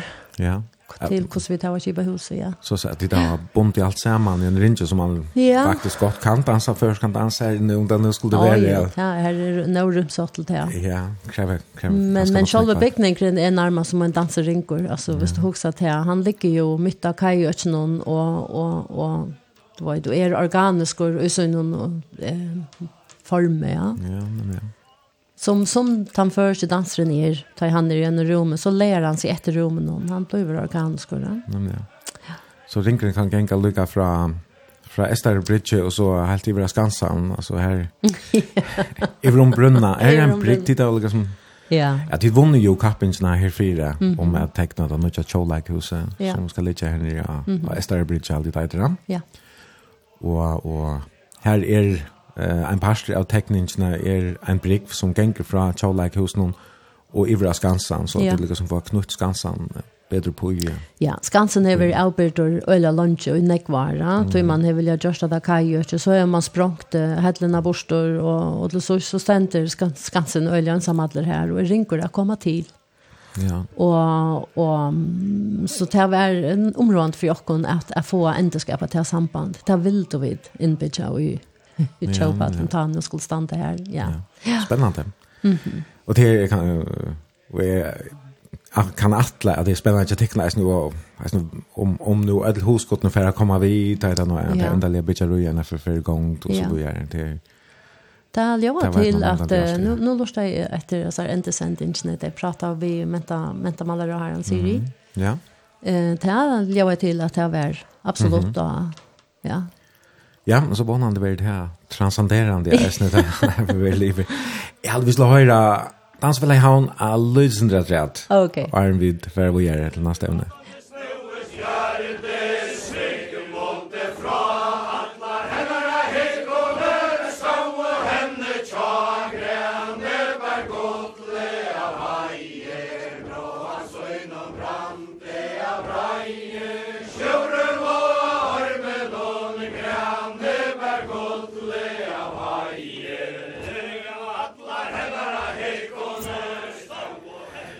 Ja, Heidi, du uh, leser til arkitekt uh, nere, og uh, hvordan var det tog da? Ja, det tog mer seg i år, du, det kom til man ta. Ja, så du, du tog det som råd var Eh uh, mamma. Jeg, hei, uh, jeg, jeg vil si at uh, Ta Jack ta agenga arkitektskolan, handlar ju förfärdan jag om och ta kunde gott så tja i i i i i att ja nämligen snur sig om att uh, få styra arbetsprocesserna till att vi vid någon öliga bläckon papper och så till ett projekt som mm. in helt rätt med himmel att göra. Ja. Ehm um, den arbetsprocessen hon hon hon hon svär. Ja. Det är hon. Och och ta teke to i bäja männa till att att, att klara att hantera att det ser okänt och och då så tjältenar sätta sig in och i funktioner och Mm och, och så och så tan tan listar parten av de ösne att att att att det ska ha lista lite vid i ösne ja och ja. Ja, men jag kan achtla till en en en tillgång som är fått av upp och nio turen och och ja, ja, ja. små och sekron och ja. kvart så redan man så kanske inte fasta nice när och så får man nog starta. Ja, man bestämt ja och så då att hantera det mm. att starta höjd och ständ först här så kan du allt göra klanna så kan du kan börja bygga modeller och ändå mm, du kan du kan börja skissera ett annat ställe och mm. men det är det du ska lära. Mm. Men jag vill säga att jag att um, ta i hägen här och i kanske fyra, fem år så följde jag att det var ordentligt stått tog tog följde i mostra jag så här processerna bättre och bättre och då jag jag bruk av skolan och en för till alla så föreläsarna som här var så jävla mycket spännande föreläsare stora arkitekter kom och utifrån och helt föreläsare. ja. Mm och Och så hade det ett fantastiskt stort arkiv alltså Bogasavn vi alla möjliga litteraturer alltså det var ett, ett ordentligt spännande ställe att vara och man är nästan slash ho att just lite antar det konstigt nej nej ja. ta en arbetsprocess som arkitekter börjar väl vi att um, Det är en uppgåva och och det har sett onkel Crow till till uppgåvan alltså han ska ju ha några funktioner alltså det som nu ska bitcha sta. Mm. Onkel Crow till till innehållsmässiga kvätt det ska komma och så framvis. Mm. Och så är det man för gång vi huskotsfasna Ja. Uh, vi har fått idéer och skisser och det är nog inte alltid den första som, som så blir den sørste?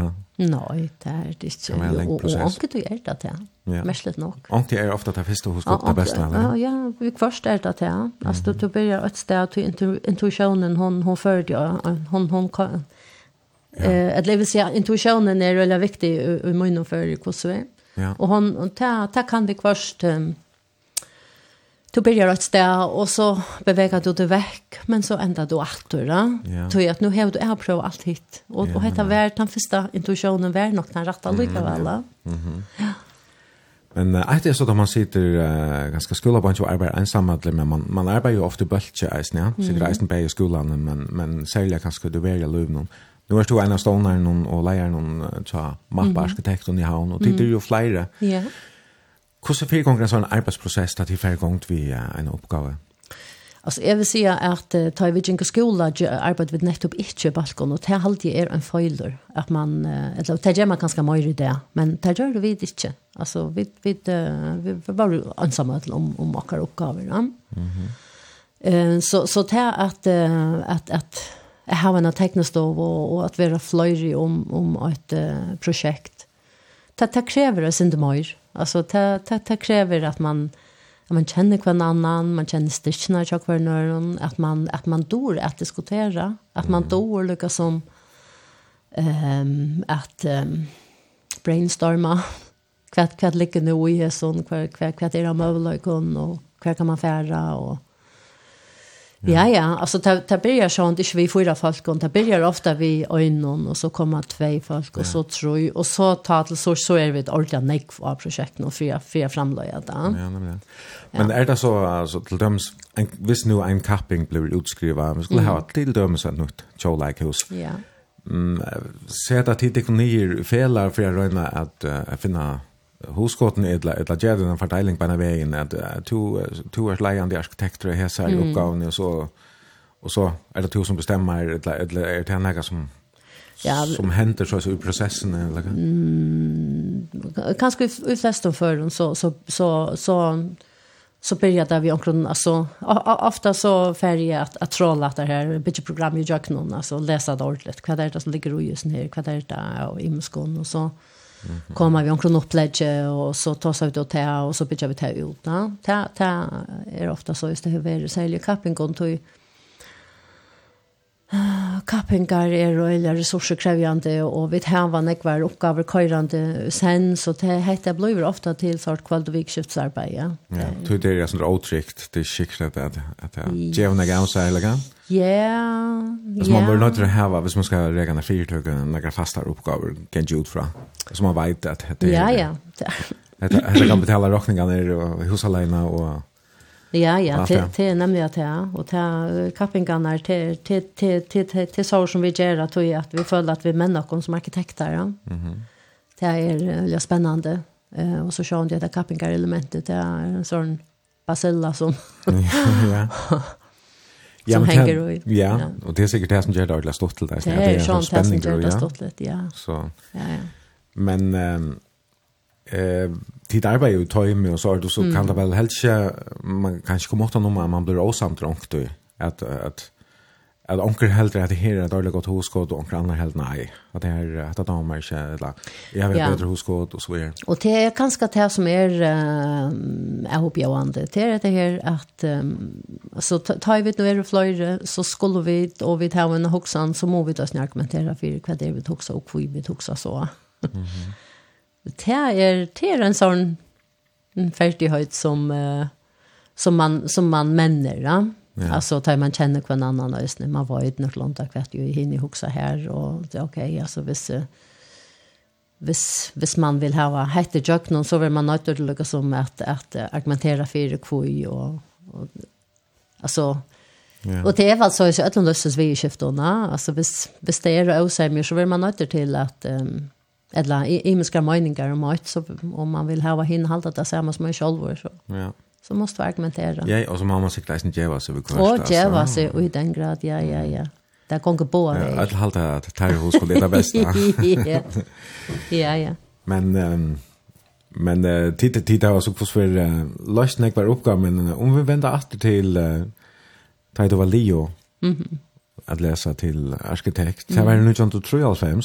Ja, og det var stor kreppa. Mm -hmm. uh, og i fargen ikke minst, men det var det faktisk øyne nere. Her var størst arbeidsløse. Så um, jeg fikk uh, ikke arbeid, jeg fikk et år arbeidsløs.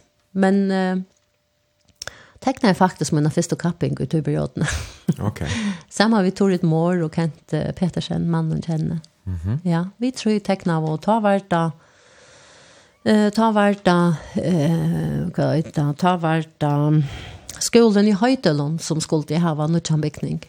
Okej. Ja.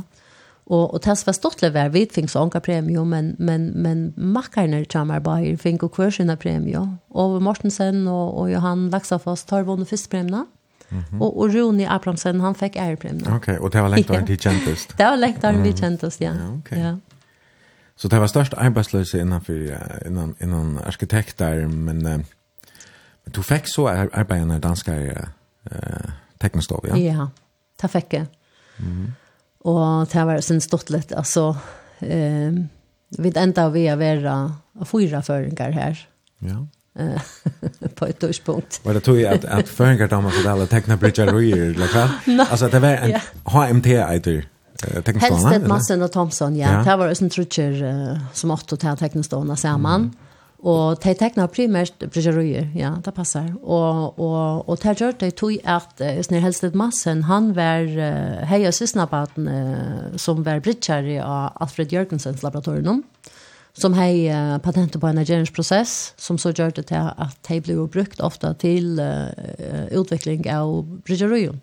Altså da man skulle menne et nytt produkt Eh, men landa färja björ.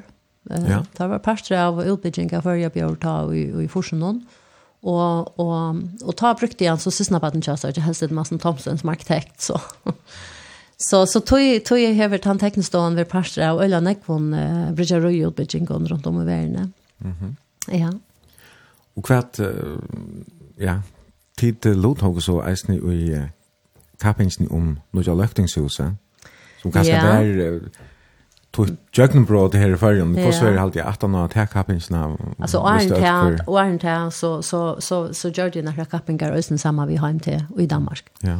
Og vi fick ångra viruslønn. Mm -hmm. Så ta og lökten inte kom så spurte jeg at teknestående, Du, du normalt skal man ha styrkigt og, og, och teckna. Så spurte jeg, kunne vi gjøre hesa tekne, kunne vi gjøre hesa kappingsna? er det då vi gör hesa kappingsna? Nei, det var det selv, ja, og er, og så spurte jeg, er det lei at jeg gjør henne? Ja, det er lei. Så, mm. ja.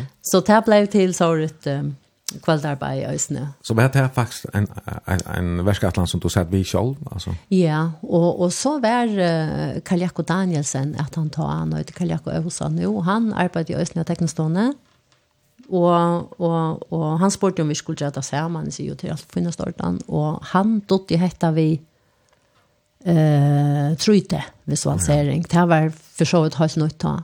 Alltså det var nästan bara det som såg och projekterade och som brukte hotell där ta. Ja. Alltså vi såg ödel teckna av hand alltså arkitekterna som gjorde uppskåta teckna ja. i hand. Okay. Men men men det ser rutinerade av arkitekterna och uppgiftsförringarna tar tar såg då Mhm. eh vid tält och han har så lärt han var nutcher ur skolan och har lärt det vi trutte det projektering. Okay och då det jag gör så här så alltså han kan när så det var hans uppgåva att få att här just ja Så det här, det är ju inte brukt nej, men annars halt med essen äsen vita att, att kappingarna och maten där vi utskriver på är essen brökt där. Ja, ja, ja, ja. Jag har en livande chans hvis det var um, nu, nu vill man, sätter man kröv till dig som lodtäcka, du ja. är undan godkänt. Mm -hmm.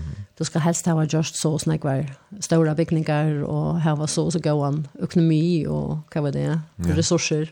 Och ta var det alltså slä öppna kapping. Det var en åpen kapping ja. Mhm. Mm en kvar kunde låt tacka vi först först kontesten ut i halvt det skulle vara kanske. Ja. Okay. Ja. ja. Men du är ja, du och och kajakke, Ja. Till så så arbetade om om kvällarna och i vigskiften Ja. Var du överraskad att eller hade du väntat att, att vinna?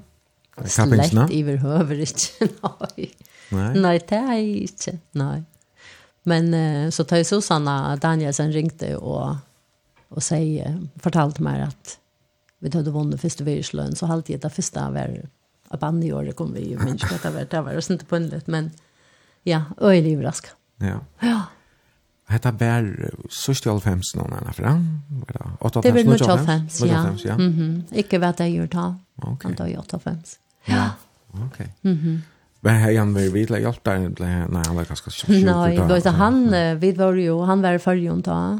Mm. Över när och jag, jag minns det att men han var en sån ölja särlig för alltså han han hejer jävla näcka och övner och var en sån uppfinnare och älskar jag just när jag är kapping så han hej finchar bitchgronna och satt och studerade han och började skissera.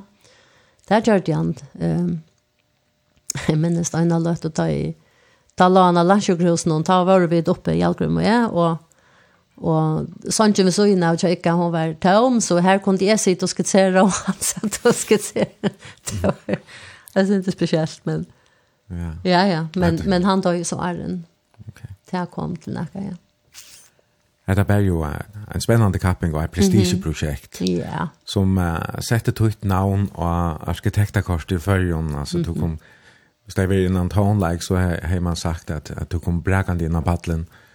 Ehm um, och knappt så kände jag ett namn Heidi Paulsen mm. Heidi Jalgrimsdotter Paulsen.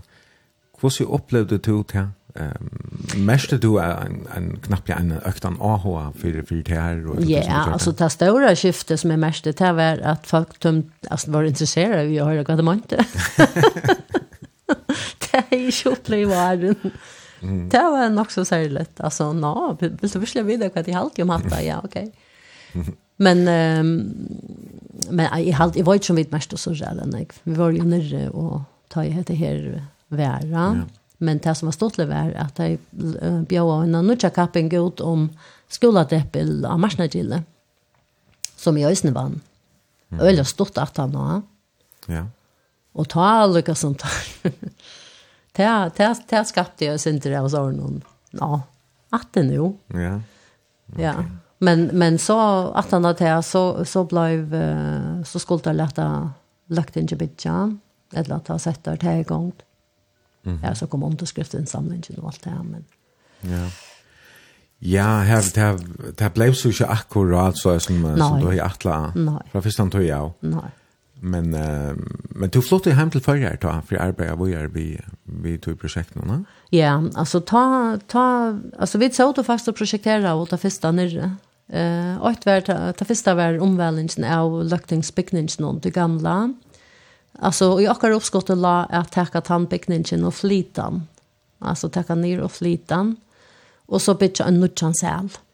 Ehm mm um, men um, Men det kom alltså motstøva i mot det tog, og, og samståndet så, og en åndskriftsinsamling for gang, og, og, og samståndet så ville man, vi lagt inn noen uh, hakka lønner til løkningsfolk nå. ja.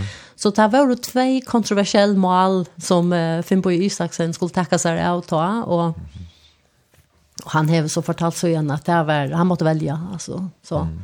Men det är ju så for det at, at det ble en motstå at det du kanske vantat det Nei, jeg har ikke vant av det, tog at uh, det som jeg halte har aller største tøytning, det var at man var vårt steg. Mm -hmm. At løkten ikke var verandre her. Då den første löktensbyggningen ble bygd här och det här var så här processionsgångna från lökten som ta tar i tingever sett och om man i domkirkene, mm -hmm. som för jag på igen som er öliga fin Og det kom man värva utav vi att at lökten inte var värande här. Ja. Och mitt i byn någon alltså folk av allting det kan inte litt bättre og mer demokratisk, då. Mm -hmm. Så till alternativet skulle så være at man leier lökten inte är anständigt. Så så tog nej, ta sa ich filmer att att här får det vara problem. Men det enda er så vi at bygningen ble standande, men, men det ble gjør der rullig og brøydingar og omveldinger inni i bygningen. Ja, så får vi så hitt etter tog i bygningen, og han var jo, så han, han eldste er fra 1806, som var en gammal uh, bygninger vi, vi flætet og sprossa vindlegjene. Mm. Men så ble han så utbygd ur 1921, til båren der, ja. Og ta fikk han etter latta uttrykket, altså vi uh, utskar noen uh, vindskøyen og heie og etter uh, og spoir og, og forskjellige sorter. Alltså var det var nationalromantiskt inspireret av.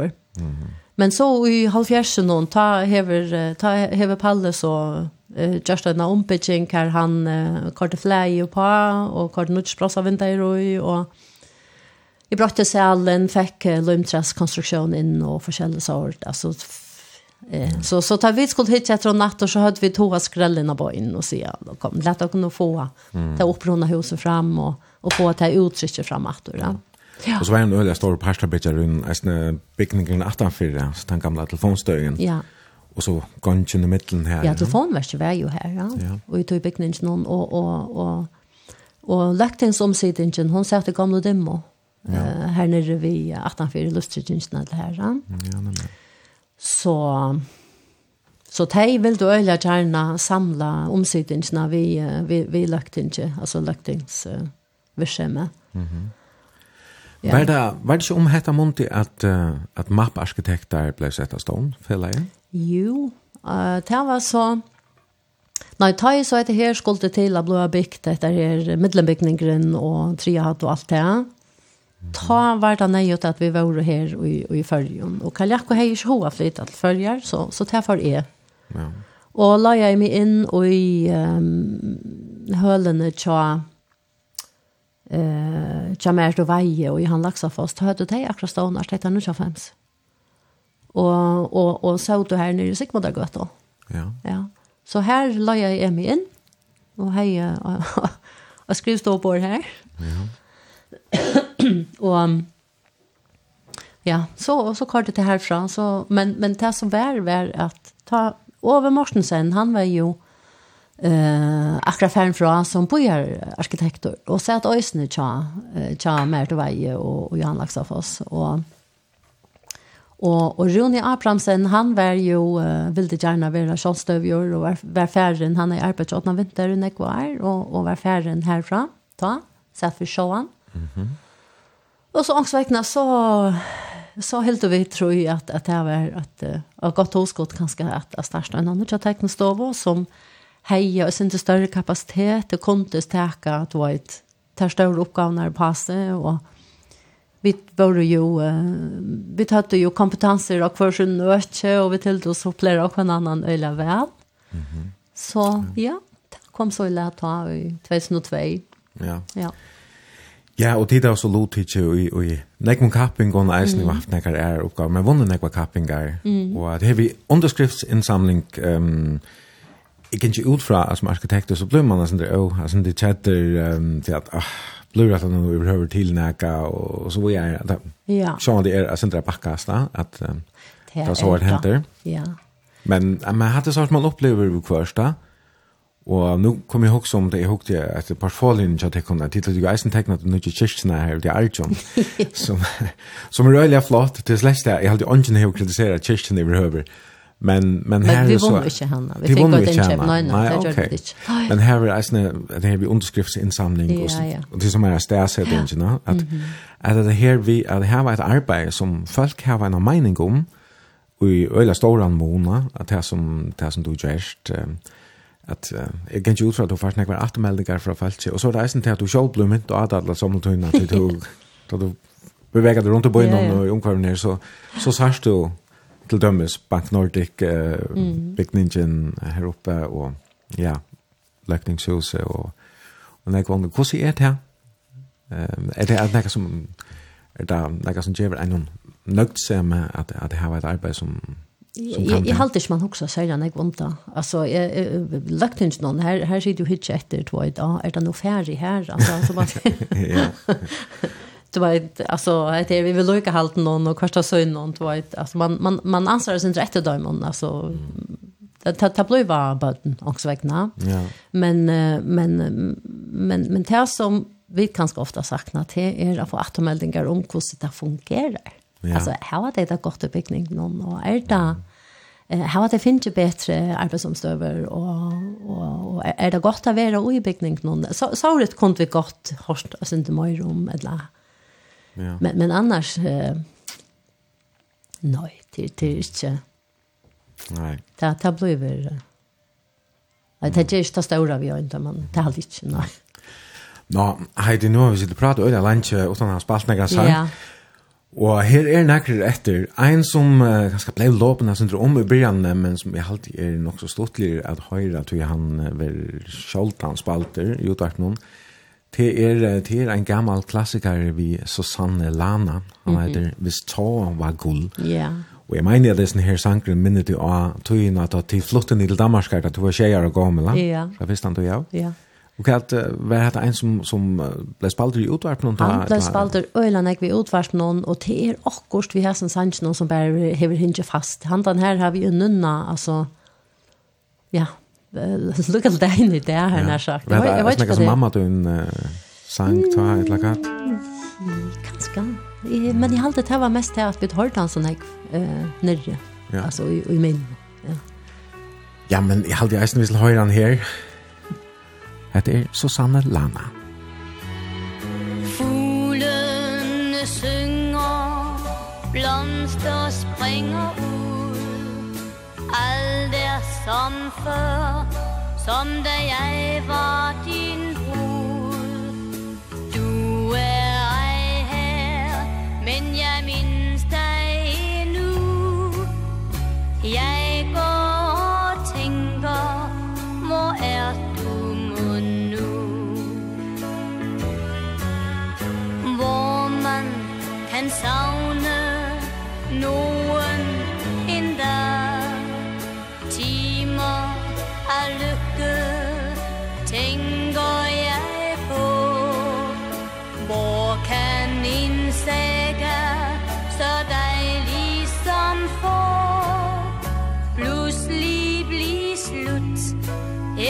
så mange år.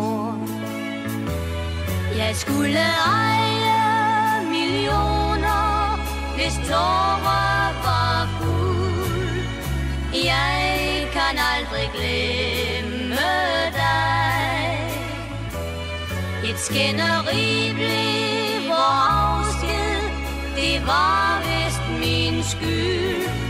Forelsket bliver jeg aldrig aldrig mere Jeg skulle eje millioner Hvis tårer var guld Nu er jeg bare en ven Findes der nogen mening Med alt som var? Spørgsmål jeg stiller For svar. Hvorfor var skæbnen så hård mod os to? Alt blev forandret, da jeg så dig gå. Jeg skulle eje millioner, hvis tårer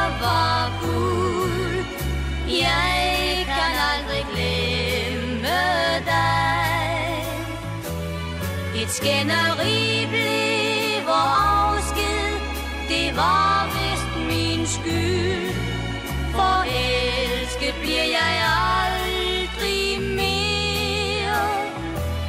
Jeg skulle eje millioner Hvis tårer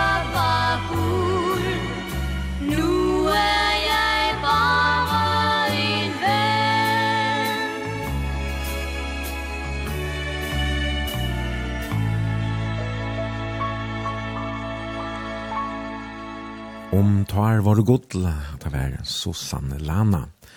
Det er Heidi Jalgrunstøtter Poulsen, som er gjester bransj i morgen. og vel tonelagen, og vi da har pratet sånn om arkitektur nå her, sa senast løtene, og du er jo uh, en av eierne og stånerne av MAP-arkitekten, Mm. Som har vunnet flere, så, ja, flere verskatlander, og så, at han helt står i eisene. Mm Jeg kunne huske meg jeg spørste hva du er gledes for at jeg har vært vidt til å tekne. Ja, det er veldig riktig svære. Det er akkurat som uh, alle verskattlander har har, har sine dikter og hver sine uh, AHA-mala. Um, og etter sørste som vi har, har uh, lett i hånden er jo skolen Fokla 4. Mm -hmm. Som uh, var en, en øyelig Ehm um, hon var det var en en en svår process då att det bitte plus är så eh uh, där här så trångt och ehm um, men samstunds ösnen en öliga stortlig process alltså ta uh, fosforinkar är då eh uh, alltså stortlig faktiskt att hej är öliga här är en lista faktiskt att få för ja. Ja. Og, og det merker man vel. Altså, det er innenfor tonelike og myndlist. Ja, innenfor og ridlist. Ja. Ja, og og og og bor jeg her og ta nom sidan som sitter her de tei hava virkelig ahua i arkitektur og det merker vi vel. Ja. Og tei er en perfekte samstartspartner til arkitektene. Mhm. Mm ehm um, og at at list har hei stor antydning for det, ja. Ja och och att att at skolan skulle kunne roma til och göra till omstövnar upp att det bättre egna lærkene med en parter av ja jeg har ikke nevnt det her, här och har stora nå hva för tannløsene. någon. En skola ska kunne öla nek. Han ska kunne öla nek och Och man vil det att skolan här skulle være mer än bare en skole. Ja. Han skulle ju också kunna brukas av lokal eh av det lokala och snart han skulle ta och till imisk tilltök Med landa er en hødler som er alt har godkjent til flåbalt, å spille flåbalskamper. Ja. Mm -hmm. um, og her er øyla gode høler til tonelagundervisning.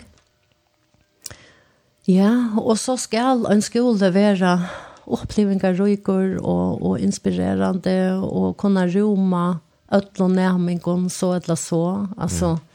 om du vil uh, Nemlig, ja, og det er en, en nutidig eller framtidig skole, er, og det er øvelse enn den gamle skolen som, ja. som vi kjenner ja, ganske for åkere. Ja, men han er nekt mer åpen, og, og hever det ser økene i middelen uh, skolestående til, uh, du vet her, du kan si du arbeider balkon, eller, eller si du prater sammen, ja. og Jeg sier her at, at du hever imiske muligheter at oppgjelde det. Ja, men, og, ja. Man skal være fleksibel, leisende, ja. Altså, på en måte. Ja, ja.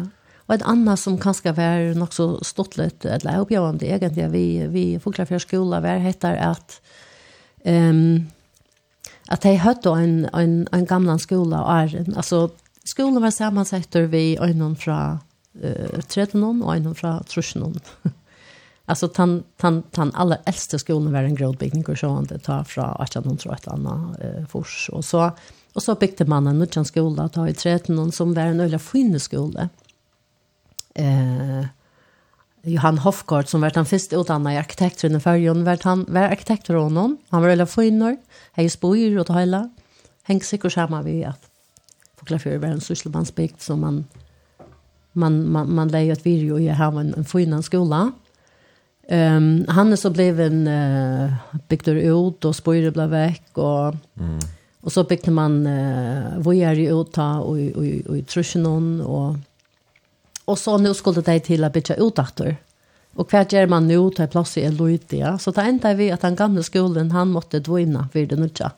Okej. Okay. Ja, och det är eh där mätte man så vart det här som var nej att ta, men men vi tar var så rent där finns ta sövna framåt ut i skolan så den tror det han häver ett sort. Ja. Spårliknande. Du kunde säkert... Ja, jag, jag kan bli... Du kan säkert, ja, du kan säkert nämna ögonen, men jag också, är som skulle prata om Ta Det er nødgjeste kappingsene som de da har vunnet ja. Tjåleik huset, jeg vet ikke om det er nødgjeste, halder at landet för stor chatten är ganska en nødgjere. Her var det ditt arbeid på åker som skal framlegges langt Ja, det passer. Altså, nei, tjåpadren er den aller sørste. Ok, ja. ja så. Men, men ta nästa det var, det var stora kjøtt. Ja. Og det var en kapping som kommunen skulle ha gjort, som var øyla spennende, jeg gikk ut på at jeg er en halv nødgjende bojarpast. Ja. Och kvart huxar man om att man ska göra med Ja, kvart huxar man ta. Kvart det framme i tøyene till er så vi bitte grönt och så bor det dikt och ungkvarvsvinnar litt, och så videre. Akkurat. Ja. Du ska bitte till framtida generationer. Ja. Mm -hmm. Och kvart hur trykker du att du altså da kommer man automatiskt inn av borradikt. etter her vi att du ska stretcha du kjenner brott andra personer så säger för som säger att uh, alltså ta vara att att lema man stretcha så här inte bruka mer av raven gör journey än att komma ja. till att ali ösnen kunde nakta så inte va ja men ja och och och handlar öliga näck vad man säger tror jag så när vi ekonomi och och omkurve och det sociala. Mhm. Mm så att jag tror tingsne vill vi ordla gärna bygga in i ta kappingsna. Och jeg, jeg, jeg minnes det henne som en forferdelig spennende kapping midt i koronatøyene, og nek var øyla gode diskusjoner om, ja, om eksistensiell vi skifter. Ja, ja. den sosiale fellesskapen, han, han vil eisen i fester. Ja. Øyla nek, og naturen, ikke minst. Så ja. her er øyla naturverkost, og her er vatøkker, og Louis Frøylet Markfeldet, og alt det som, som hever tøtning i det. Hvordan kan du bytja her ute og så stadigvæk uh, hava eh tid hatt för tom tänk någon där var och så heter vi fällskap någon där. Ja. Så till det bitcha tattar för jag varva ett där ganska mer att fru i naturen som är land om. Men uh, vi till färjan vi vi dama alltså bästa här var sett hos det allra flesta av oss. Är det så är det sett hos eller uppe eller Kan kan släppa ju röja ver just när bullen. Ja, men skall det vara borardikt så så är det tattare bitching och helst rähus och i bor bitching och och skall det vara säthus så mot det lite tattare. Alltså det dår inte vi 500 meter grundstycke och så är och alltså det är vi vi, vi snackar om näck smarre grundstycke. Ja. Det det är det. Mm -hmm.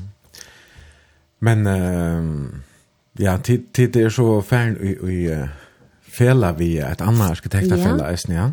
Det som var var att det var tvär første virslønner, Det første vi har upplevt här. Mhm. Mm och och det var tog att huxa att att det var Janko, det så uppskottna. Mm -hmm.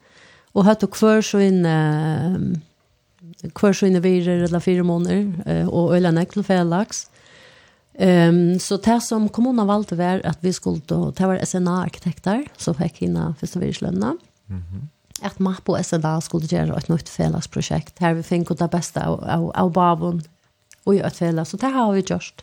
Ja. Och och sitta och arbeta vet du nu och och skulle och, är er, det nära om att ända där ja och Jag tror det skulle lägga fram maten. Vi skulle lägga det fram ja så. Ja, Okej. okay. Vi drar oss bättre på det. Ja, allra värst ehm um, ja Jeg vet at du er sånn hur där lägger det då är att at det skal være atmosfære i, i ja. byggningen ja. som, som du arbeider vi Ja. Hvordan gjør man det Hvordan Hur skapar man en atmosfär? Ja, hvordan så skapar du en god atmosfär? Alltså det er... Eh og hette her er en sånn motreaksjon fra forsen hon ta uh, og kanskje først halv femsen hon ta uh, ta man byggt i ölen gips alt väck gips og kvitt och ta ta ta blev så så så stofflest eller vad man ska säga. Ja.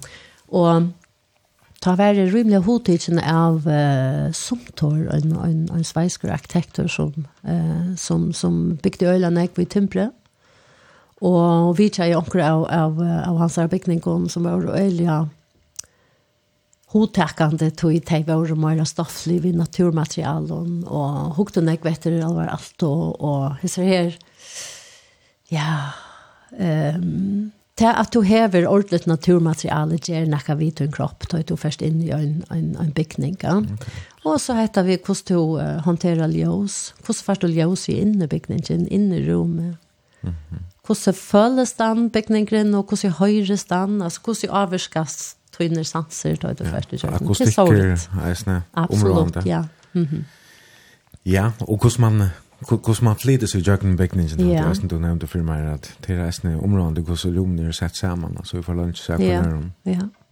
Ja. Men um, framtidar uh, like, kus for för um, framtidar arkitekturer at uh, så ut. Alltså, vi vet at, uh, at uh, vi er fler och fler. Mm -hmm. Ganska ändå fler äldre. Alltså, mm -hmm. Så... Alltså, som du nevnte, Janne, det er det vi at, att bytja tattare, hvordan kommer det annars hoksa Da bor er det ga og omkvar vi inn. Ja, altså heter her vi, um, vi atterlig noen, at vi, altså vi vera fløyre, fløyre eldre og færre og færre yngre til å takke seg av den eldre. Det vil si at vi får, eh vi tar ikke folk nok til omsorgene størvene, så løs som samfunnet konstruerer det. Mm. Altså vi er nødt til å huske ting øvelse nå. Og, og takke oss mer av hver nøyren. Mm Alltså vi, vi må skipa akkurat samfunnet så at det blir til til och att ta och när för nörden. Alltså hetta vi önser er, er en stor trubbel, um, det kan være sjuk og elvande at være en ønsligjør, eller være en samhandler. Ja. Jeg tog rett meg fra en erkanning som, ja. som sier noe om hva, hva kreves for at du skal leve langt, altså ja. hver folk leve langt. Folk er ikke trøtt av å høre det, men, men, ja. men altså, jeg... det som jeg har hørt på i åren, men det er, det er um, på vei over nikka til det, altså, mm. så, så jeg tar det. Det er ikke mosjon, det er ikke sånne koster. Nei, altså, to, her, man har granska i uh, hva det er som gjør at som folk lever langt og har et godt liv, altså hva er det som er utslagsgjevende, ja. Mm. Og vi har haft øyne fokus på gå en kost, du skal ete rett, og du skal bevege deg negv, og, og være slankor, og hva er det. Mm. Men det som er overraskende er at det er kvart av hæsson. Det som er utslagsgjevende er at du har gå nær samband. At du har vært sammen ved folk som er og som du tror sammen ved og har det godt sammen ved, ja, og det som er å gå til.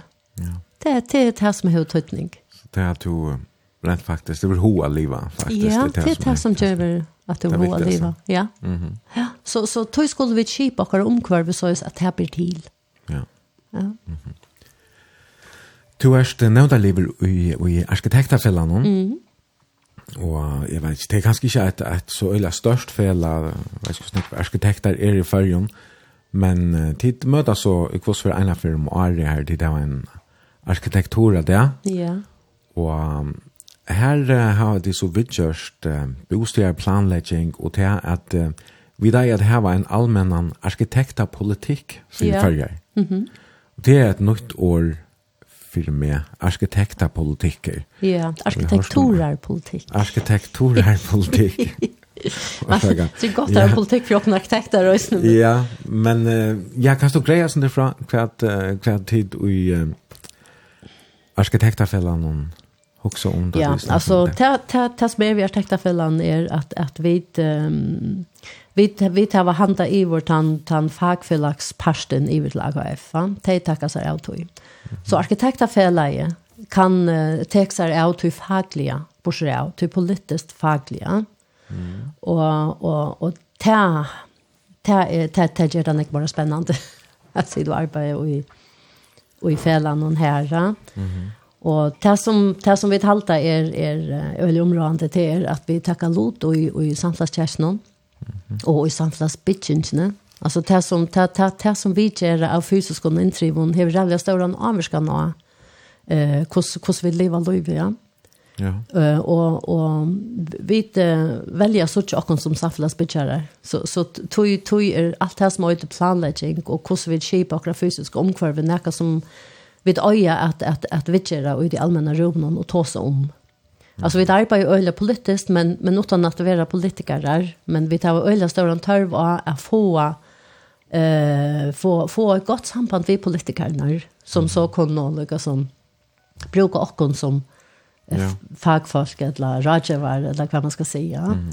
Och och och det handlar Lukas Negvom ehm um, heter här att um, Ja, att att man diskuterer tingsne så att att att att att det vanliga fallet ikke øsne för vi vi och diskussioner och för för vi vi och i att ta seg om det har tutning, ja. Ja. Da Men det er snakka vi at, at, at hitja etter, altså hvert, hver om vi skulle ansa etter, altså hvert eira varvaidast, og så ganske kommunene hver Ja, ja. skulle uthøytsligere enn han här. Ja, alltså här det vi arkitekturpolitik någon eh nu snackar man om listapolitik. Ja? Mm. Och listapolitik och det är ordentligt gott att det börjar ta som till till till till ta är det du först att definiera vad det är det som är viktigt och hur är det att listan är viktig i vårt samhälle ja. Och det tar samma vi arkitektura politik någon. Alltså vi tar var och i rävla neck var rätt att finna den här arkitektura politiken på banan och han är väl i landsverket och i Jöknon Nekvar och här har vi Nekvestjörare i nivån och Og, og nekver av okra leimon som har arbeidt uh, til landsverket har, har rønt av Finnjan av banan, men nu er det så etnast, uh, nu har vi Finnjan, Gjørdan, og, um, og han er her, Så det som skal til nu er at uh, nu skulle vi uh, finna en løst her man kan innlima han. Altså gjøre han uh, brukbærerne. Hvordan er det ja. stått du skal bruke arkitektur? Ja. ja. Ja, alltså jag hugger det här att att det viskar som om till öra till bilder lite kost det blir byggt runt om i Färjön ja, och i den imse kommunen ja. och och politiker kom och färra alltså det det har vi inte nu väntar vi snacka runt det la vita sen nej, nej. om akkurat alltså vi vi tar fel pojkar att det är viktigt att få en landsplan. Ja, nämligen. Att du häver en landsplan som som är galdant för Atlantia. Ja. Eh här du skipar att det ser forskjellige ökne. Mm Ja. Men uh, men men arkitektura politikeren eh han snur sig jävla när om att att ute i kommunen och att att man fyller det upp och ger en arkitekturpolitik för så önskar och kommunerna. Mm. Och bara för att ta döme så kan en arkitekturpolitik politik att to som kommunerna först in och hycker efter kvart kvart är av viron. Kvart är DNA i dessa kommunen. Ja. Alltså kvart är sövan i dessa kommuner. Kvart kvar er og bøylingene som byrja og hesa kommunene som så er rikkeren i kommunene. Hva er det som er viktig at hver var etter fire at kommunen stadigvæk skal kunne fortelle søvnene, altså hver byrja vi og, ja, og hvordan har man, hvordan har hendet kommunen mens vi oppe i kjøkken Så man varveider samleikan i kommunen? Du varveider samleikan og, og mentene søvnene og, og, og sysøvnene i Øsnia. Og så bygger vi gjerne på det Ja. Vi tar oss inte om i början när det är månen att bygga monumenter. Ja. Några som är några skall skära borskrur. Och så är det här vi att uh, bygga in i lente alltså och få omkvärven och om till att att shina som du säger. Ja. Och jag husar eisne alltså är det ehm um, om vi huxar den listarliga parten av att göra arkitekter alltså efter att man ska uppfylla en uh, några behov, alltså några som folk har törva, en törv, men, men så är det eisne, kanske att han mer listerlige parten av, av det hela. Hvordan sagt du på det arbeidet til det her? Um, sørst du sjåvan som listerfolk ved kvørst, og, og kanskje mer som håndverskere ved kvørst, eller, eller hvordan? Jeg halte bæget fei. Man, man er bæget fei alltid, halte jeg. Um, men hette här vi uh, vi har alltid fortalt det så det sen stottliga sövna vi uh, Jangel han har en fyrlester uppe i Norrland hos någon när han har ett färmynter. Eh apropå det vi byggningen og monumenter, Ja, ja. Han har ett färmynter, han har en mynt. Så vi tar så utlavera ett vi har hos hon. Han ena var så ur Dubai, vi är snär öliga ja, stora ja, byggningar, svångner och tar, tar kvar sig öliga flotter. Ja. Og ta neste mynten så utleverer det samme, men han sier, men hette her er en mynd av parfymfløsten til gånden min. Ja. Og til, Formelen vet han samme. Ja, det blir bare en framsøgning av bygningen, og da alltid mm. man er fullstendig glemt at det som arkitekturer skal, til er å gjøre rom til mennesker. Ja. Altså det, det handler om å skapa rom til mennesker, til mennesker av livet og ja. Ja. Det er økt rommet som du fast her nere av Gøtland, Gøtland, være pura og brutelig, da du bare hever så rett um, landslag i uh, parfymflaskorna, här har sagt. Mm. Ja. Så det är mycket skilt. Ja. Så du er, du er mer till Charles med vidare till det just nu Monumenter, alltså altså Bank Nordic beginning in stand som en perla upp jag hört den här till den alltså man kan ikke påstå at han som jag lax i den där. Nej, det kan du inte se. Vi tar så lugg var rätt att lagt han inte inte för hur han nu sänder in i A och Men det där som du att det här storage til dømme, så her såi så her, var några Jag vet ikke om det hedgar som var bygder runt om uh, Boilingen yeah. eller fett alltså. Det var ett huskott som SNA har ju såna projekt att göra uh, lutar et eller såna Ehm um, alltså här to uh, här här to just en häck runt yeah. om och innanför den häcken är så bostäder, ja. Det har vi så så inlema i, i, i, säger mm. Skatland här uppe, ja. Är det några som tog fann hoksa mer mer mer om vi vi är någon det vi bitte in the land for that la fetla till jag hade att det var det var sälja en rastövna som jag var anor som att eh Jesus som minst det namn jag men han la ju ölja Ja. Ja. Lukka mig Ja, det kommer ikke fram. Det er ikke sustainable future. Nei, det var det ikke, men det handler jo om at uh, jo, the, the uh, complexity of the ordinary at han. Mm -hmm. uh, det her at to um, Det handlar inte om att skapa sig monumentene, men det handlar nettopp om att fälla in och att att att bitcha samma vi öron och så att då att att att bitcha på en sån måta så är så att du skapar en harmoniska anda. Mhm. Mm att det är nästa revir för det lokalsamhälle och för människor ja. en hit. Nå, men Tøyen, hon er vever affæren til åkken, Heidi. Mm -hmm. Er, er det kommet uh, nekvar halsaner? fra omme du inn Nei, omme, omme bøtten Jone Bjørg, Lone Marie oh, yeah, og Christian og ja. ja. Og her er Eisen ein som skriver her eh Hei, det er fantastisk menneske, ser jeg hjelp som og voice. Takk for, for alle hjelp og jøkken tøyene og gå gåer bindeklubba løter. Ja og er ein annar Tatsch som er, ja, er akkur som ikke ordentlig skilje helt, som du kan lese at han hadde skilje ganske bedre. Ein skriver eisen stått av lort etter, du var flokslærer til okkur i stranda skola. Ja. Alt er så, hun aldri kom inn til tikkara heim, og en annar er, Heidi hever en, en helt særlig evne at få en til å føle seg som om man er nega helt særligt. Horen er alltid åpen, alltid er plass til å sove, og kaffe er alltid klart. Største firmen den en power woman, skriver være en. Ja, det var veldig flott. Og ja, her er øyla nekvar helsaner at skjad. Vi får ikke tog til at uh, lesa flere. Her er en helsan fra, fra Rick Holten og fra onkron uh, Sistnabøten og så videre. Mm tøyen er tøy verre færen heiti, så jeg færer bare takk at jeg fyrir at jeg kunne komme og vitsa til her i morgen, til å være steg av og verst. Hun har lett, og vi da var sitte hun har knæv i kavun, morgon med det og kaffe. Slett ikke reande som er råkna i vi. Nei, det er denne med unga tøy. For takk for at jeg helsan reisne, og vi tar høyre her at enda Marius og Sanchin Going Home, Og det var nok en søva i samband med hans sannsyn eisen til at han ble sannsyn til gjerraferina til papadunnen som døg i 2012 var det. Ja. ja. Tusen takk fyrir Heidi, og alt det beste. Takk fyrir. Etter å bare si, heter var altså brunch hesa for Jester var Heidi Poulsen, og jeg er Eidig Jensen, og vi er etter vi brunch etter kommande leire klokkan 5.30.